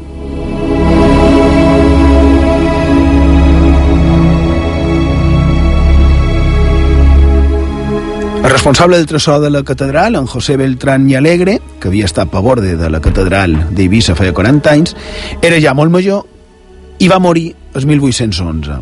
I al poc dies arriba un capellà des de la catedral de València, en Pedro Vicente Calvo, que es troba que el tresor era amagat a un, a un local a, a Vila, no exactament a Vila, però li, no li va semblar bé, no li va acabar d'agradar i ho va canviar i ho va dur a un local en el carrer de la, de la Creu, en el barri de la Marina, quan encara no hi havia gairebé res, eh? fa 200 anys, 205 anys. Hi havia unes poques casetes, eh, es mercat, sentem, i poca cosa més. I ho amaga allà i tot s'oblida. Ningú en parlava. I allò es converteix en un secret. Poca gent a Eivissa ho sabia, però sí a València. Allà sí que hi havia gent que ho sabia.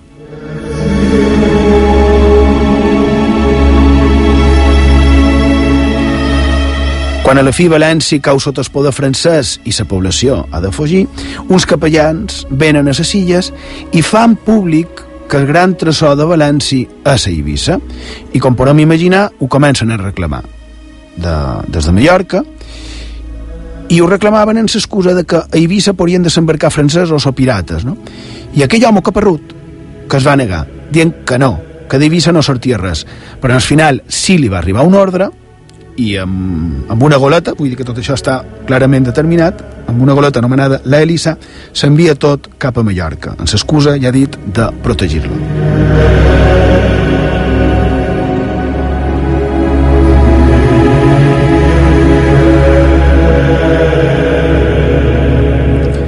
I un pic a Mallorca es va fondre so, la plata, es varen vendre eh, aquell metall juntament amb les pedres precioses i tot plegat tot plegat perdó, s'utilitzà per poder fer front a les despeses de la guerra.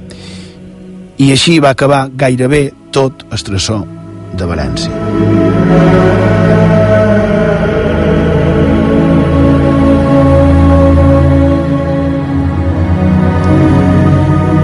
Però no tot, perquè aquell capellà va amagar el que va porar i quan va arribar a Mallorca amb el carregament ho va entregar tot, aquelles 22 caixes, no?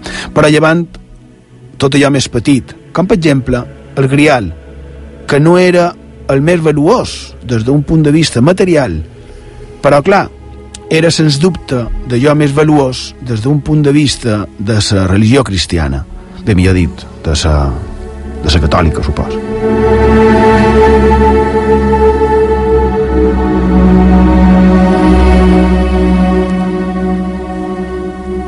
Un parell de companys seus ho sabien, però ell deia que no diria res a ningú, que ell se'n feia càrrec.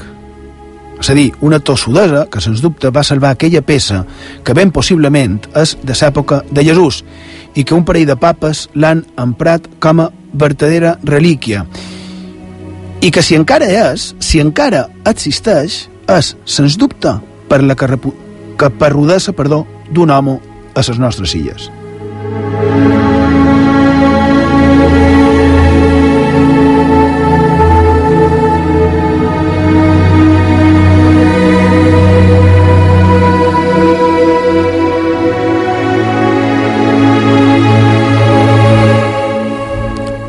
Una anècdota, Borja? Que hi ha qui diu que en Pedro Vicente, en els mesos, no recordo si tres o un parell més que va estar per aquí per Mallorca, sempre duia el grial amagat dins les seves robes, crec que conta qualque vegada. Hi ha fins i tot qui diu que en aquells mesos no se'n va canviar mai de roba per protegir el grial, o sigui, perquè per duesa i per falta o manca d'higiene, però millor se va salvar. La gran relíquia. Manca d'higiene provocada per no llevar-se les robes, Clar. tal vegada. I el que més me sorprèn de tota aquesta història és que no hi ha cap referència, el Manco no l'ha trobada encara, de cap fenomen verdaderament estrany relacionat amb aquesta relíquia, no? Al llarg de la història, quantitat de gent cerca-la, els nazis, en les seves històries, i resulta que, l'hora de la veritat, no sembla que hagi fet aquesta relíquia cap miracle.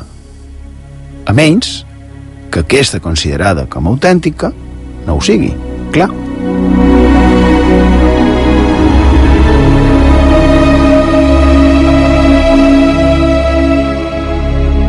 Font de Misteris, amb Xema Font. IB3 Ràdio.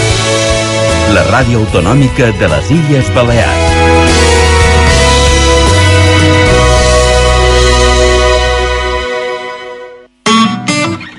La música se sent, es comenta, es compara, es punxa, es digitalitza, es balla, es veu, se segueix, s'odia, se silencia, se socialitza, es comparteix, s'estima, es recorda, s'oblida, es descobreix, s'investiga, s'estudia, s'escriu, s'esborra, s'enregistra, es toca, s'interpreta... I tu? Escoltes música?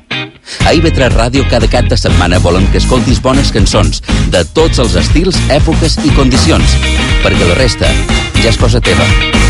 IB3 Música. Dissabte i diumenge cap vespre amb Tito Fuster. A IB3 Ràdio volem més informació. A les 7 comença la jornada amb l'informatiu matí, dues hores per conèixer les claus del dia. A les dues, a l'informatiu migdia, sabem què passa i fem una previsió del cap vespre. A les 7, analitzam la jornada i esbossam el panorama informatiu de l'endemà. I perquè l'actualitat no descansa, els cap de setmana dues edicions, a les dues del migdia i a les 7 del cap vespre. A més, informació puntual cada dia als butlletins horaris, serveis informatius d'IV3 Ràdio, pluralitat, independència, proximitat, simplement informació.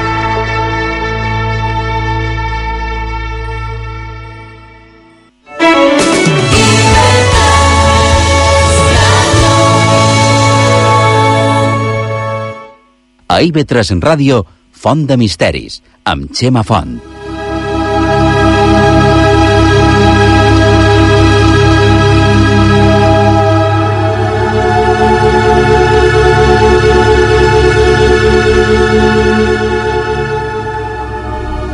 Seguim a Font de Misteris, a sintonia d'IV3 Ràdio.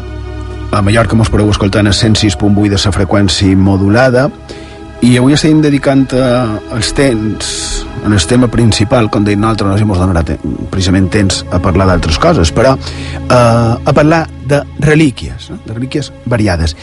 I hem parlat d'objectes i ara parlarem d'una altra història i que pot ser la primera relíquia que ens ha visitat, la primera relíquia que hagi vengut a les nostres illes, al manco de la que hagi constància històrica.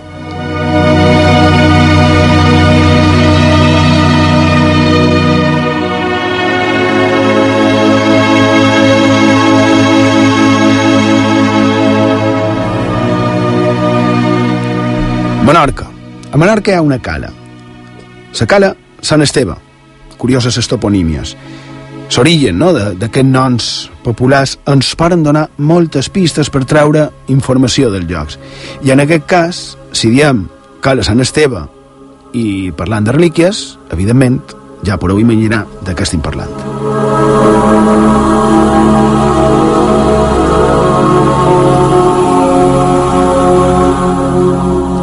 I sí, de les relíquies de Sant Esteve, de la seva curiosa troballa i encara més curiosa arribada a Menorca, la seva transcendència, la seva importància i, i sorprenent, no?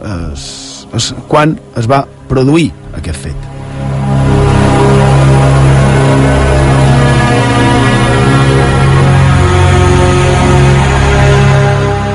I de Sant Esteve està considerat com el primer màrtir del cristianisme, un dels pocs sants del que es parla en els evangelis canònics, és a dir, en els oficials, no els altres, abans ho hem comentat, que no són considerats els autèntics per, per l'Església.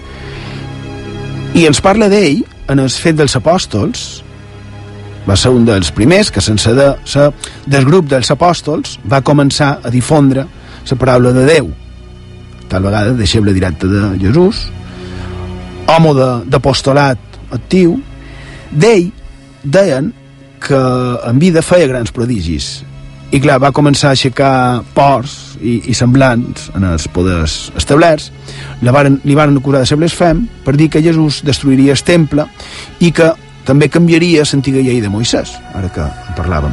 I clar, quan comencen a escoltar el que deia, que no els hi agradava perquè era contrari al que ells volien transmetre, i el varen agafar, el trauen de Sanedrí i el varen apedrejar directament, que més era il·legal fer això, fins matar-lo a pedrades. No? I el que escarrufa és que diuen que mentre l'estaven apedrejant, ell encara deia Jesús, Senyor, rep el meu esperit. I segueix la Bíblia, el Nou Testament, dient que després que higué de genolls i va cridar amb tota la força Senyor, no els tinguis en compte aquest pecat. I havent dit això, va morir. Això se suposa que va succeir l'any 34, Mesomanco, en qualsevol cas un o dos anys després de la mort de Jesús, que clar, no se sap exactament quan va morir en Jesús, per lo tant, Mesomanco. Tampoc es sap exactament la vida i, i d'aquest sant no? I, i altres versions, però aquesta candita és de, de la Bíblia directament, la de la vida i mort. I el que se sap és que les seves restes varen desaparèixer fins l'any 415, quan un sacerdot se li va aparèixer precisament eh, a un sacerdot se li apareix un membre del Sanedrí, en Gamaliel, s'anomia, que va condemnar i també ajudar a matar en el que tenien com un heretge. I aquesta aparició li va dir a on era el cos perquè precisament va ser ell el que el va amagar 400 anys abans, gairebé, no? I quan varen anar a cercar-les, segons això, la revista Historias de Iberia Vieja, cuando las autoridades se acercaron a la tumba del protomártir, tembló la tierra y una fragancia maravillosa y curativa, perquè retornava eh, la salut a tots aquells que ho ensumaren, i de una fragancia maravillosa y curativa se, se expandió por la tierra. Quines històries.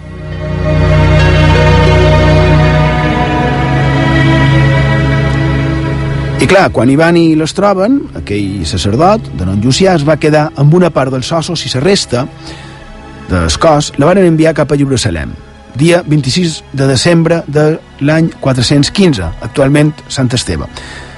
Per cert, eh, sembla que quan va morir aquest màrtir, en Sant Esteve, ja varen venerar el seu cos com han comentat, no? com es fa encara avui i com hem vist que s'ha fet tantes i tantes vegades. Més curiositats. Resulta que un dels testimonis de la seva lapidació hi ha qui diu que fins i tot en certa mida podia ser que col·laborés o estigués relacionat, atenció amb això, va ser el propi Sant Pau. Però anem amb les relíquies i les nostres que és el que volien contar. Uh, les relíquies que tampoc han comentat l'importància de, de les relíquies uh, a l'Europa actual, no? per construir l'Europa que tenim, que no sé si és el que volíem o no, però no entraré ara amb això.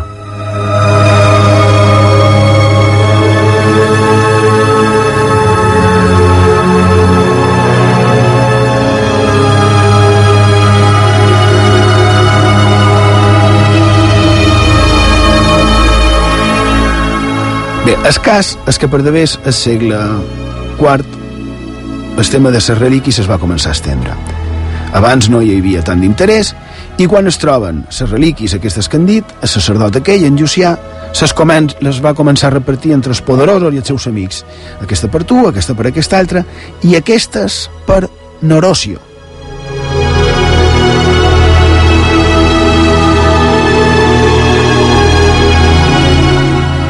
Noròcio era amic d'ell, també de Sant Jeroni, també tenia relació amb Sant Agustí, de fet era deixeble seu.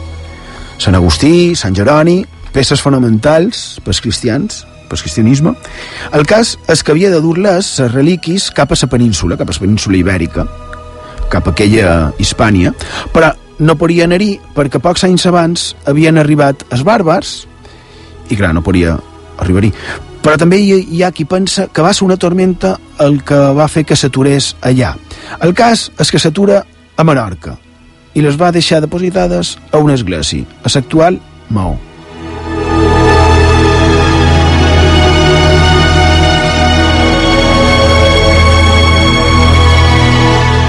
Recordem la importància d'aquest sant que ja en vida deien que feia prodigis, el primer màrtir, eh? que quan mor diuen que segueix fent l'os i que les seves relíquies, relíquies tant per trobar-les com quan les troben, també feien prodigis. Clar, aquelles relíquies es converteixen en molt valuoses i quan arriben a Menorca es convertirien no, eh, en un punt de peregrinatge. És a dir, sí, Menorca com a possible punt de pelegrinatge i punt important dins la cristiandat en el començament del segle V.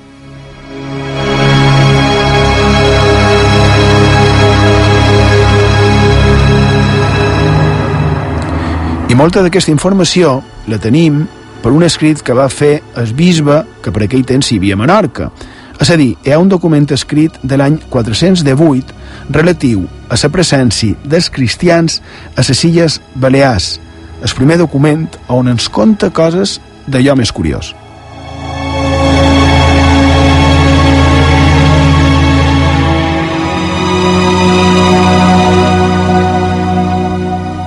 Jo tenc a un llibre editat l'any 37, no sé si s'ha tornat a editar, no ho crec, i aquest llibre ens coneix per conèixer millor els orígens del que serien les nostres illes actuals. Però el que ens interessa ara és que Menorca aquells anys tenia, entre d'altres, perquè també encara hi havia gent que habitaven a coves, a talaiots, allunyats d'aquelles incipients comunitats, no? les comunitats de Magona, que és l'actual Maó, i també Iamona, que seria Ciutadella, que eren principalment jueus i cristians. I aquest bisbe no tenia una relació massa bona, no era massa amic dels jueus amb els que havia de conviure a Menorca, encapçalats per un tal Teodoro, que era el rabí de la sinagoga i una mena de patró de, del municipi. I bé, entre ells tenien els seus problemes, les seves mogudes, fins al, punt de dir que con la caridad del protomártir, de Sant Esteve, se vino a encender aquel fuego que el Señor ha enviado a la tierra y que quiere que arda en nosotros. Suposam que feia referència a l'Esperit Sant i aquelles coses de la religió, però el que va passar va ser que varen calar foc de bon de veres a la sinagoga després d'un enfrontament entre jueus i cristians. I, evidentment, crides atenció com va escriure-ho el Mirba cristià, on s'explica el que va passar després d'un enfrontament entre cristians i jueus, segle V. Diu que els cristians anaven armados con la virtud del Espíritu Santo, i els altres, els jueus, diu que anaven en piedras, dardos, lanzas y otro género de armas. Y segueix su autor. Habiendo huido todos los judíos, explica Severo, nosotros nos apoderamos de su sinagoga, de la cual nadie osó hurtar cosa alguna. Antes bien luego, al momento, se abrasó toda, quemando cuanto en ella había, excepto los libros y la plata. Situació que endivinam d'allò més violenta, no? Però el bisbe en el seu escrit va recalcar que no hi va haver ni tan sols cap ferit.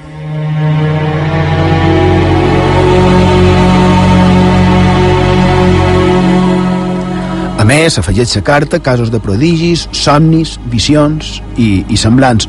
Conta un parell de casos, com una llueva que va anar a veure aigua i, es va, i com que aquesta aigua es va transformar en mel, es va convertir, però no només ella, sinó que fins i tot 540 persones, gairebé tota la població de Magona, de Mo, que eren jueus, i varen renunciar per convertir-se tot això s'hi han de creure en el, en el bisbe Sever, que és nom, eh, el qual es converteix així en un cristianitzador de masses. No? Encara que es mèrit, si és que n'hi ha, seria, diuen, de les relíquies de Sant Esteve. Clar, i aquesta va ser una transformació que va resultar molt important, tant per les nostres illes, com també pel concepte d'una cristiandat que no feia tant, que s'havia transformat en una religió, podríem dir tal vegada, emprar la paraula com a religió oficial.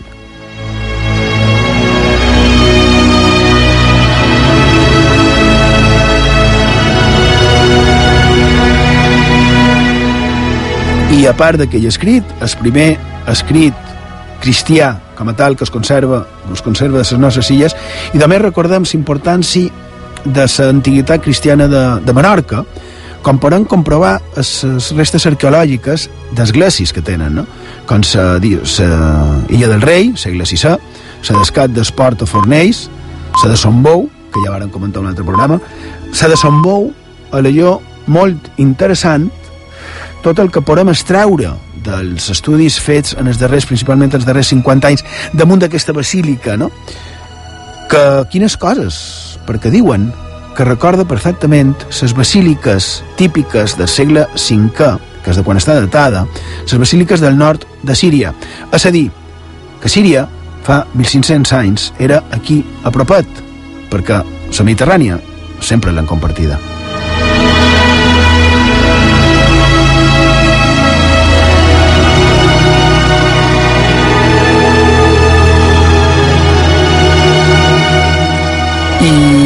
De Menorca cap a Mallorca, sempre a la Mediterrània, un home d'aquells ple d'enigmes en el seu voltant i també massa desconegut, no? I doncs sí, ja per, per anar acabant el tema principal, vista l'hora que és... Sí, i mitja. Eh, hauríem de xerrar d'un altre misteriós no? i fascinant personatge de la nostra comunitat. És venerable Pere Borguny, nascut a Palma i batejat a Silesi de Sant Eulari l'any 1628. Resulta que perd sa mare quan tenia només 8 anys i això fa que canvi el seu caràcter amable i tranquil per rebel i problemàtic. De fet, a mesura que passen els anys, va creixent en el seu interior eh, l'interès de fugir, d'embarcar i veure món. I quan ronda de veres 15 anys, així ho fa. Juntament amb altres dos companys, s'embarca a una nau de nom La Dama. La mala fortuna, però, va fer que el vaixell caigués en mans dels pirates i que en Borguny fos duit gel com esclau. Allà passa tres anys fins que les gestions de familiars i sacerdots paulistes aconsegueixen que sigui alliberat per una quantitat més que respectable, 480 pesos. D'aquesta manera, torna a Mallorca, casa seva, on aviat son pare li concerta un matrimoni amb una lota de bona família.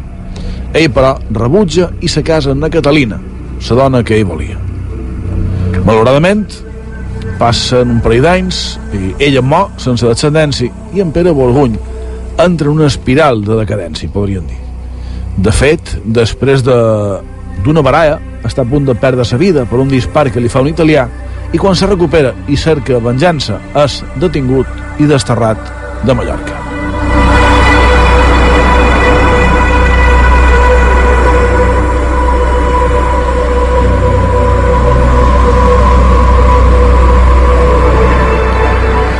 D'aquesta manera arriba a València, ciutat que ja ha tingut importància en el programa d'avui, i allà munta un petit negoci de teles que tampoc li dura gaire.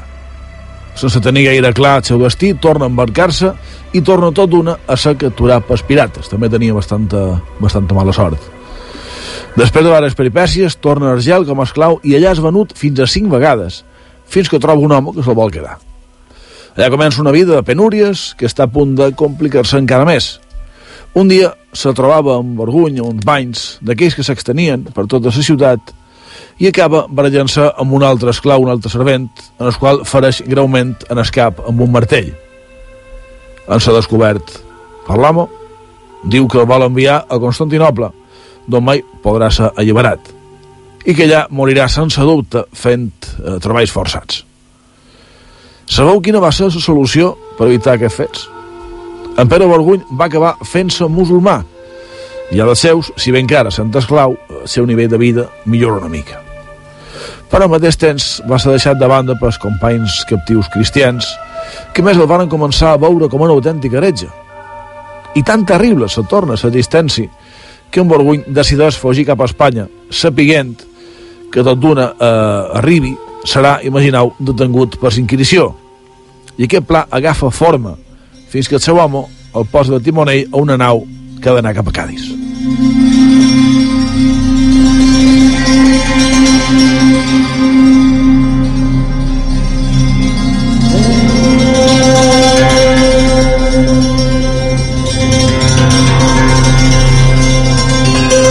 Durant el viatge, en Pere comenta als seus companys les intencions que té, però no li surt gaire bé. És detengut, apallissat i condenat a morir a sa foguera. I a partir d'aquells moments, en Pere Borguny se va començar a sentir com una espècie de màrtir. Arribam d'aquesta manera en el 30 d'agost de 1654, moment en el qual en Borguny és conduït en el lloc d'execució.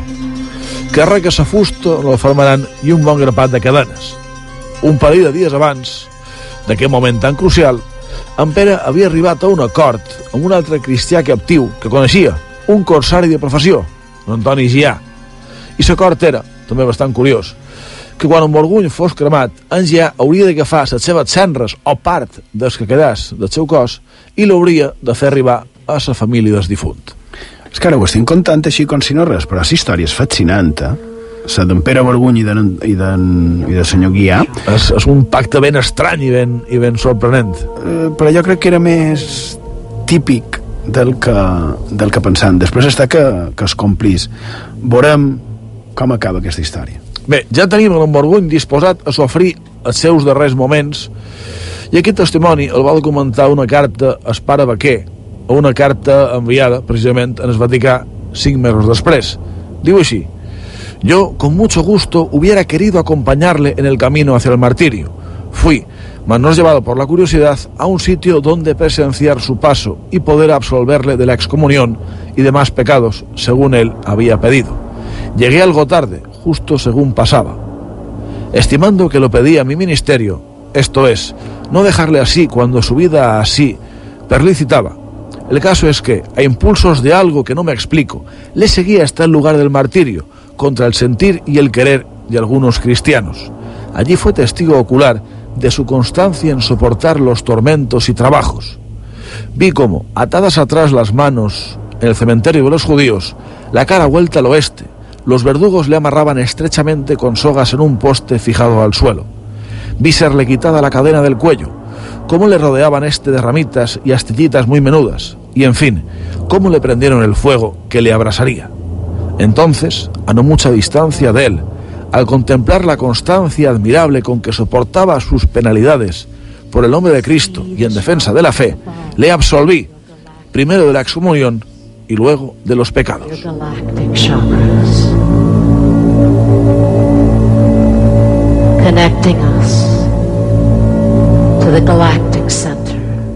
Ja tenim en Borguny mort i tampoc fa falta entrar gaire en, en detalls. Amb més detalls, perquè ho has Però N'hi ha, molt, molt pitjors. Sí, ja, ja. Però bé, és igual. Arriba el moment d'engiar. S'acosta en el cos i és el moment de tallar-li una mà en el difunt, mà que havia d'enviar a la seva família. Quan està a punt de clavar el guinevet i començar a tallar, se produeix el primer fet misteriós i miraculós relacionat amb aquest personatge, amb en Morguny. Sabeu què passa? I de de cop, aquella mà que anava seteada s'amolla tota sola del braç. Imagineu l'escena. Aquest bossi dels màrtirs va quedar en primer moment a mans d'Engià i la resta del cos eh, fou enterrada. Ara entram, si voleu, en què va passar en ser reliquis des, desvenable per a Borguny. La mà arriba finalment a Palma l'any 1655 i és entregada a la família.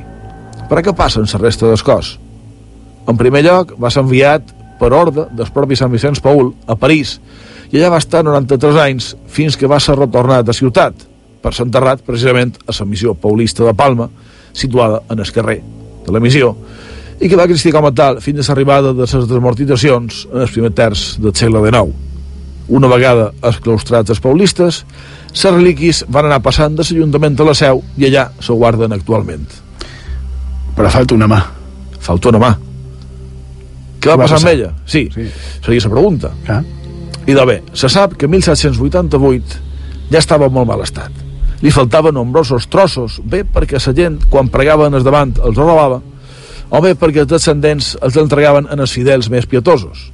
En qualsevol cas, la darrera referència la trobam a l'any 1954, no fa tant, quan doña Maria de las Mercedes Mir Melcadal era la depositori en les restes eh, de sa mà dins una, una casseta que, segons assegurava, seria entregada en el seu fi major.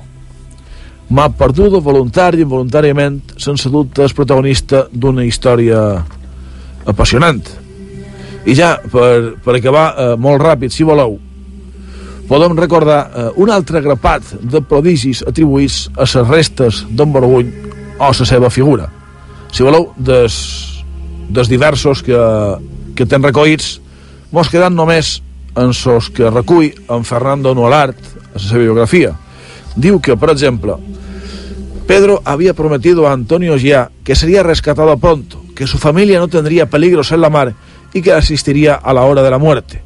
Todo eso se verificó y que poco antes de morir Antonio Gia había visto a Pedro junto a su cama. Un otro diu que en la embarcación llamada Saetía, donde todos estaban en peligro de morir por una gran borrasca, se salvaron cuando uno de los marineros que llevaba una reliquia del mártir, atándola a una cuerda, la acercó al agua y la tormenta cesó.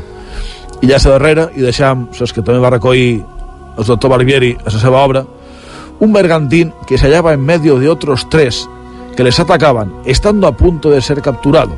El patrón levantó los ojos al cielo invocando el nombre de Pedro. Los bergantines desaparecieron.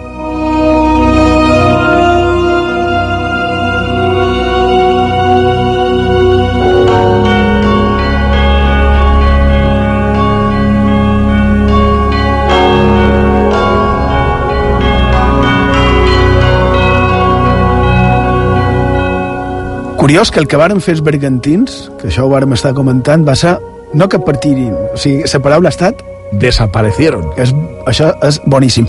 Hi ha multitud d'altres eh, exemples del poder d'aquestes relíquies, però està clar, no hem parlat de Santa Pixadis, no hem parlat de les relíquies que tenim a la seu. Bé, mm, haurem de continuar, sens dubte, eh, parlant d'aquest tema perquè la veritat és que pens que, que és apassionant i eh, qualque missatge ja mos heu enviat que també ho deis mm, ho farem i fixa-t'hi sí, són gairebé menys 20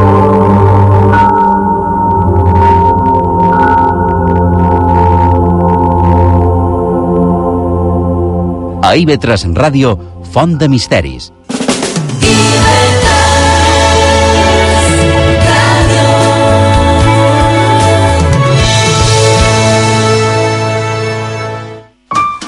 Maria, s'ha acabat ja. En temes sexuals han de ser clars i no mos han d'amagar, eh? Ai, Joaquim, saps que n'hi ha desconeixements i no te pots fer una idea dels mites falsos que encara mos envolten. I de no pot ser, les coses s'han d'explicar i s'han de tractar. Han de dir adeu en aquest oscurantisme. No passis pena, tens solució.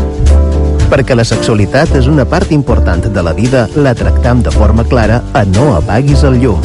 Els dissabtes a mitjanit a IB3 Ràdio, amb Maria Ribó i Joan Guillem Jaume. Multiplex. Sistema de comunicació que combina en directe múltiples missatges en un mateix suport de transmissió. Multiplex. Magazín d'IV3 Ràdio que combina múltiples convidats, múltiples disciplines, múltiples visions i múltiples vessants artístiques. Cada dia, a les 3 del capvespre, obrim una porta als ciutadans de les illes. Reflexionem sobre els assumptes que afecten les nostres vides i ho feim des de perspectives molt diverses. Parlant de tot i posam l'accent a la cultura amb els entusiastes. De dilluns a divendres de 3 a 6, Múltiplex, a IB3 Ràdio, amb Sergi Marcos. IB3 Ràdio, la ràdio autonòmica de les Illes Balears.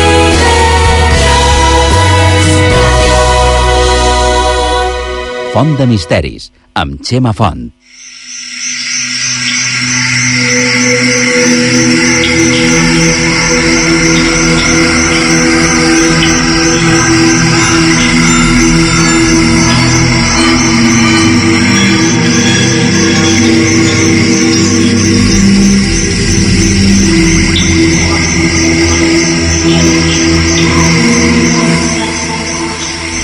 Seguim a Font de Misteris, a la sintonia d'IV3 Ràdio, a través de les xarxes mos podeu trobar a iv3tv.com, també a fontdemisteris.com, i com sempre, malament de temps, avui també, ja són gairebé menys quart, i ja fa aquí, de ves dues setmanes que, que en volíem parlar i avui sí que ho feim.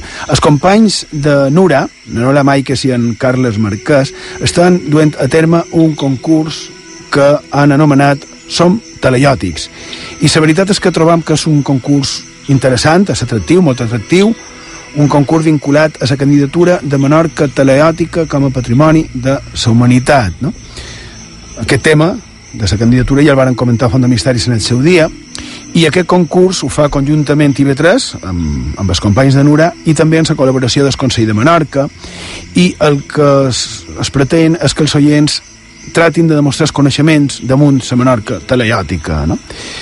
Un tema que, evidentment, tant ens agraden els de Font de Misteris. Així que dilluns a divendres a les 20, a les 20 hores, a les 8 del capvespre, Nura, a IB3 Ràdio, on podeu aconseguir aquest premi. Un viatge itinerari de 7 dies per conèixer a primera mà la representació del patrimoni mundial d'Espanya i els millors eh, museus en prehistòria i protohistòria. Eh, Museu Arqueològic de Madrid, eh, Jaciment de Tapuerca, Santillana del Mar, eh, Altamira, Museu de la Prehistòria de Santander, Museu de Màlaga, eh, també Antequera, a Mallorca, els jaciments arqueològics de, de la Serra de Tramuntana, en tot inclòs, no?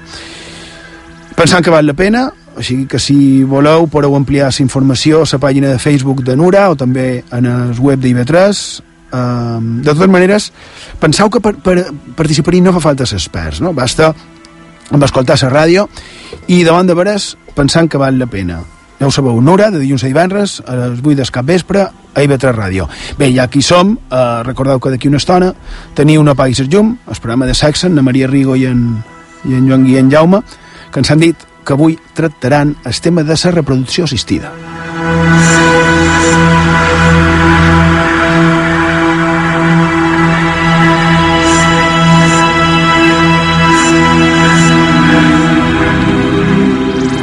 Jo també, Borja. Jo també, com acabes de dir, no te'n riguis, però ho has dit, el que el micro estava tancat. Sí, mos sentim una mica teleàtics, sí que som una mica teleàtics. En Sergio tal vegada no, que és més com a més ciutadà, en Sergio. I és més, és més, més jove, més modern. Sí, més modern, més que jove, més modern, és més cosmopolita. Més contemporani, sí. podríem dir. Uh, sí, nosaltres. I tu, Miguel, ets teleòtic també? No. Val. Um, un altre tema. Uh, no sé si vos en recordeu que fa uns mesos, tal vegada ja deu fer un any, no sé, Sergio, vam estar parlant, sí, uh, en, en Nacat, en Cristina Mandatur, la periodista, escriptora també, columnista, criminòloga també, entre d'altres, i de Nacat està especialitzada en crims i semblants, bé, és, és criminòloga, és lògic, i amb ella vàrem estar conversant damunt ses màfies, no? ses màfies per a tipus pel·lícules i, i també la seva presència a les nostres illes. La veritat és que ens va sorprendre molt tot el que ens va contar. Això ho teniu eh, a la carta i també a fondemisteris.com. Però també, com no, ho podeu trobar en el llibre, no? en L'hombre de paja, el crimen de Benimusa. Eh, allà se'ns parla... Recordeu en Pablo Escobar? Eh, aquell capo de, de la droga, càrtel de Medellín, no? I de, si llegiu aquest llibre vos sorprendrà. I ara, precisament, no sorpresa, perquè ja ho va anunciar, però ara a Cristina Mandatur ens ofereix un altre llibre. La presentació ha estat aquesta setmana a Eivissa, però arrel d'un crim, de, del crim del conegut com a, com a Torete, eh, un minusvàlid d'Eivissa, i d'arrel d'aquest crim s'endinsa dins el barri de, de la Penya, l'antic barri mariner de, de Vila, amb les seves antigues llegendes, les seves suposades aparicions, les cròniques, ens ens parlaven, ens parlen d'aparicions fantasmals, però malauradament a dia d'avui millor no fer comparatives. No? Però sí dic que actualment és un barri marginal, per cert, aviat serà notícia, ja ho veurem, a final de mes, però referit en el llibre, encara no, no ho han llegit, però crec que és interessant per conèixer més l'altra realitat de les nostres illes, no? tan a prop, aferrat a, a uns barris, a uns carrers turístics i bulliciosos, i de tenim a, a una altra part d'aquests barris una altra realitat, una realitat que, per cert, estic convençut que es pot modificar, no? Casos que, que ho demostren els que tenim, allà estan els de Projecte Homo i d'altres tractant de, de donar una mà. El que deia el llibre, La penya blues, eh, el crimen del minusvàlido, d'anar Cristina Mandatur, Nacat, on ens reflexa una, una part no, de la nostra terra que la majoria no solem tenir present però que realment existeix. Li pegarem una ullada en aquest llibre.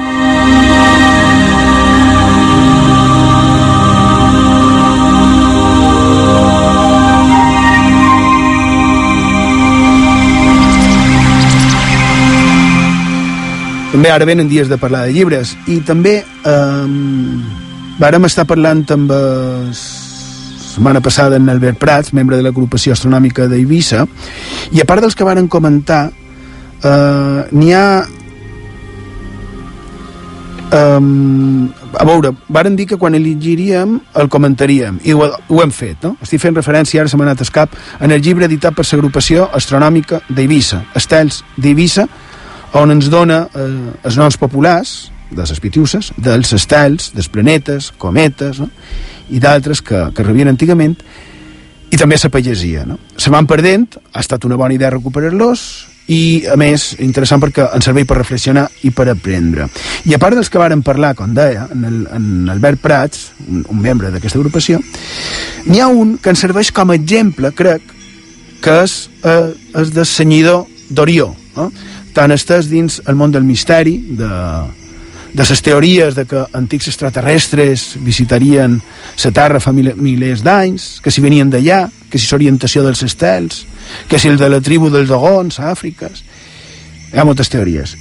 I de just en aquelles estrelles, sabeu com les anomenaven els nostres vuelos?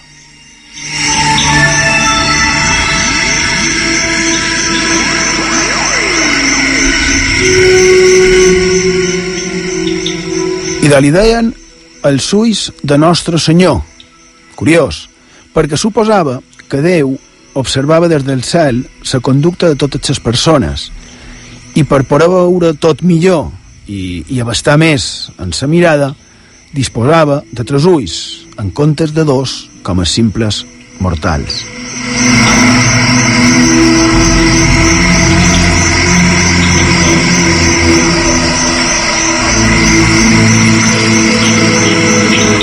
Clar, la veritat és que dona molt per, per comentar, eh, dona per analitzar, no? Tu, un comentari que... que... Clar, ulls de Nostre Senyor, a l'agrupació estel·lar, eh, d'on les eh, tradicions mil·lenàries diuen que venien els déus que ensenyaven en els humans. I que controlaven i que es controlaven. Clar. I també és curiós perquè si fos de Déu, Déu no va dir que feia som la seva imatge i semejança. De, Efectivament. No? Uh, semblança. Així haurien de tenir dos ulls, no tres.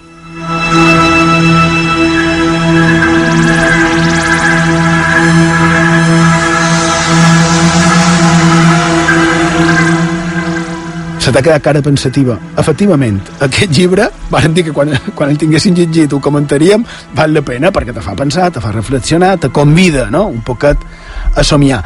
No dona temps per més notícies. En, en tenim un munter de notícies per comentar. Digues les formes de contacte i ja haurem d'anar acabant. I de ja sabeu, ens podeu enviar tot allò que vulgueu a Facebook i Twitter cercant Font de Misteris, en el correu electrònic fontdemisteris arroba ibiterradio.com, en el WhatsApp 659 769 52 i també ens podeu seguir a Instagram cercant Font de Misteris i Vetres. Uh, acabo de llegir un, un missatge i si encara que tema sigui molt interessant, la setmana que ve no feim comptes, seguien les relíquies. Agraïm que, mos, que ho vulgueu, però la setmana que ve canviarem de tema.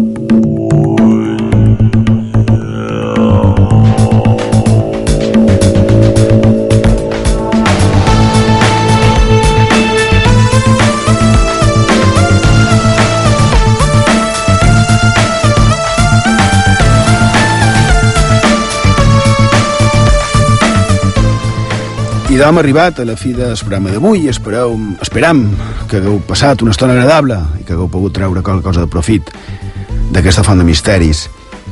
I bé, ja sabeu que sempre contestem els, els missatges que, que ens arriben, o bé per antena o bé privadament, i volia comentar que vareu enviar un missatge dient que en Manolo Tena no va morir per mort d'una sobredosi, perquè ara ja queda molt en fora, però va ser la setmana passada, quan a l'acomiadament eh, vaig estar comentant el tema, i el vaig anomenar. I és cert, el, el motiu de la seva mort no va ser, diuen, directament aquest. No?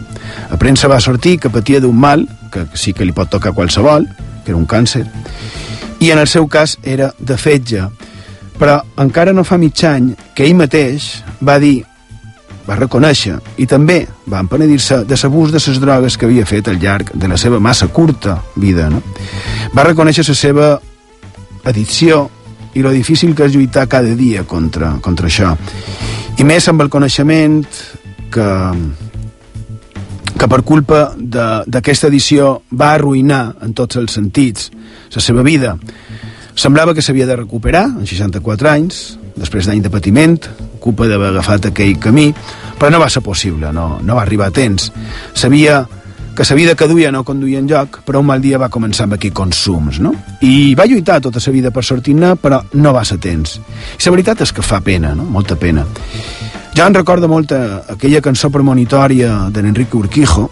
La setmana passada varen posar la cançó de Siete Vides d'en Antonio Flores i deia que a les utopies de la mitjanit del dissabte i 3 Ràdio volíem i volem somiar amb un món sense aquest consum absurd no? d'aquelles substàncies que i, i això tots ho sabem, no condueixen en lloc. Bé, sí, condueixen a enriquir en els que comercien amb aquestes substàncies, però realment ens du només a un punt, i sovint a un punt sense retorn, no? que és autodestrucció. I abans d'arribar-hi, recordeu que en aquesta autodestrucció, recordeu que era abast programes d'ajudes, com els de Project Tomo, fàcil de trobar trobar a la web, i, i ara que l'he anomenat, eh, en Enrique Urquijo. Sabeu com, com va acabar? Com va acabar la història d'aquest home, el de Los Secretos?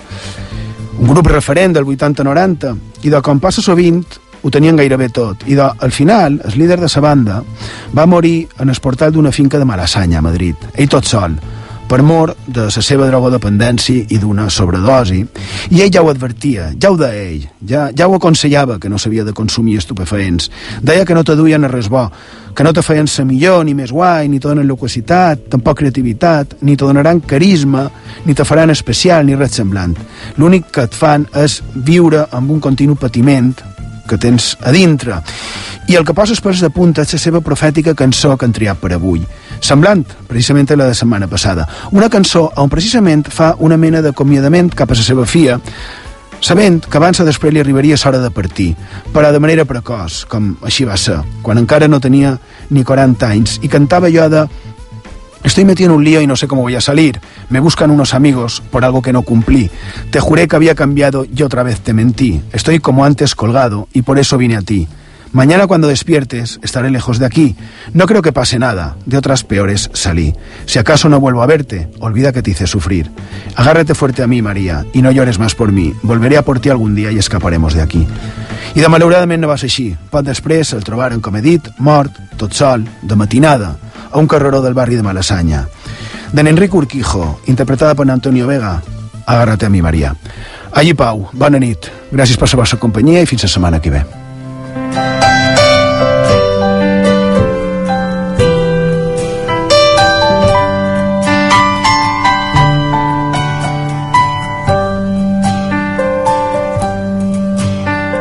Estoy metido en un lío y no sé cómo voy a salir. Me buscan unos amigos por algo que no cumplí. Te juré que había cambiado y otra vez te mentí. Estoy como antes colgado y por eso vine a ti. Agárrate fuerte a mí, María, agárrate fuerte a mí. Esta noche es la más fría y no consigo dormir. Agárrate fuerte a mí, María, agárrate fuerte a mí. Que tengo miedo y no tengo dónde ir. Mañana cuando despiertes estaré lejos en fin. No creo que pase nada de otras peores salir. Si acaso no vuelvo a verte, olvida que te hice sufrir. No quiero si desaparezco, que nadie recuerde quién fui. Fuerte a mí, María, agárrate fuerte a mí que esta noche es la más fría y no consigo dormir. Agárrate fuerte a mí, María, agárrate fuerte a mí, que tengo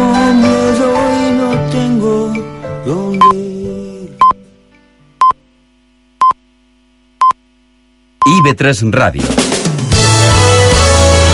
La ràdio autonòmica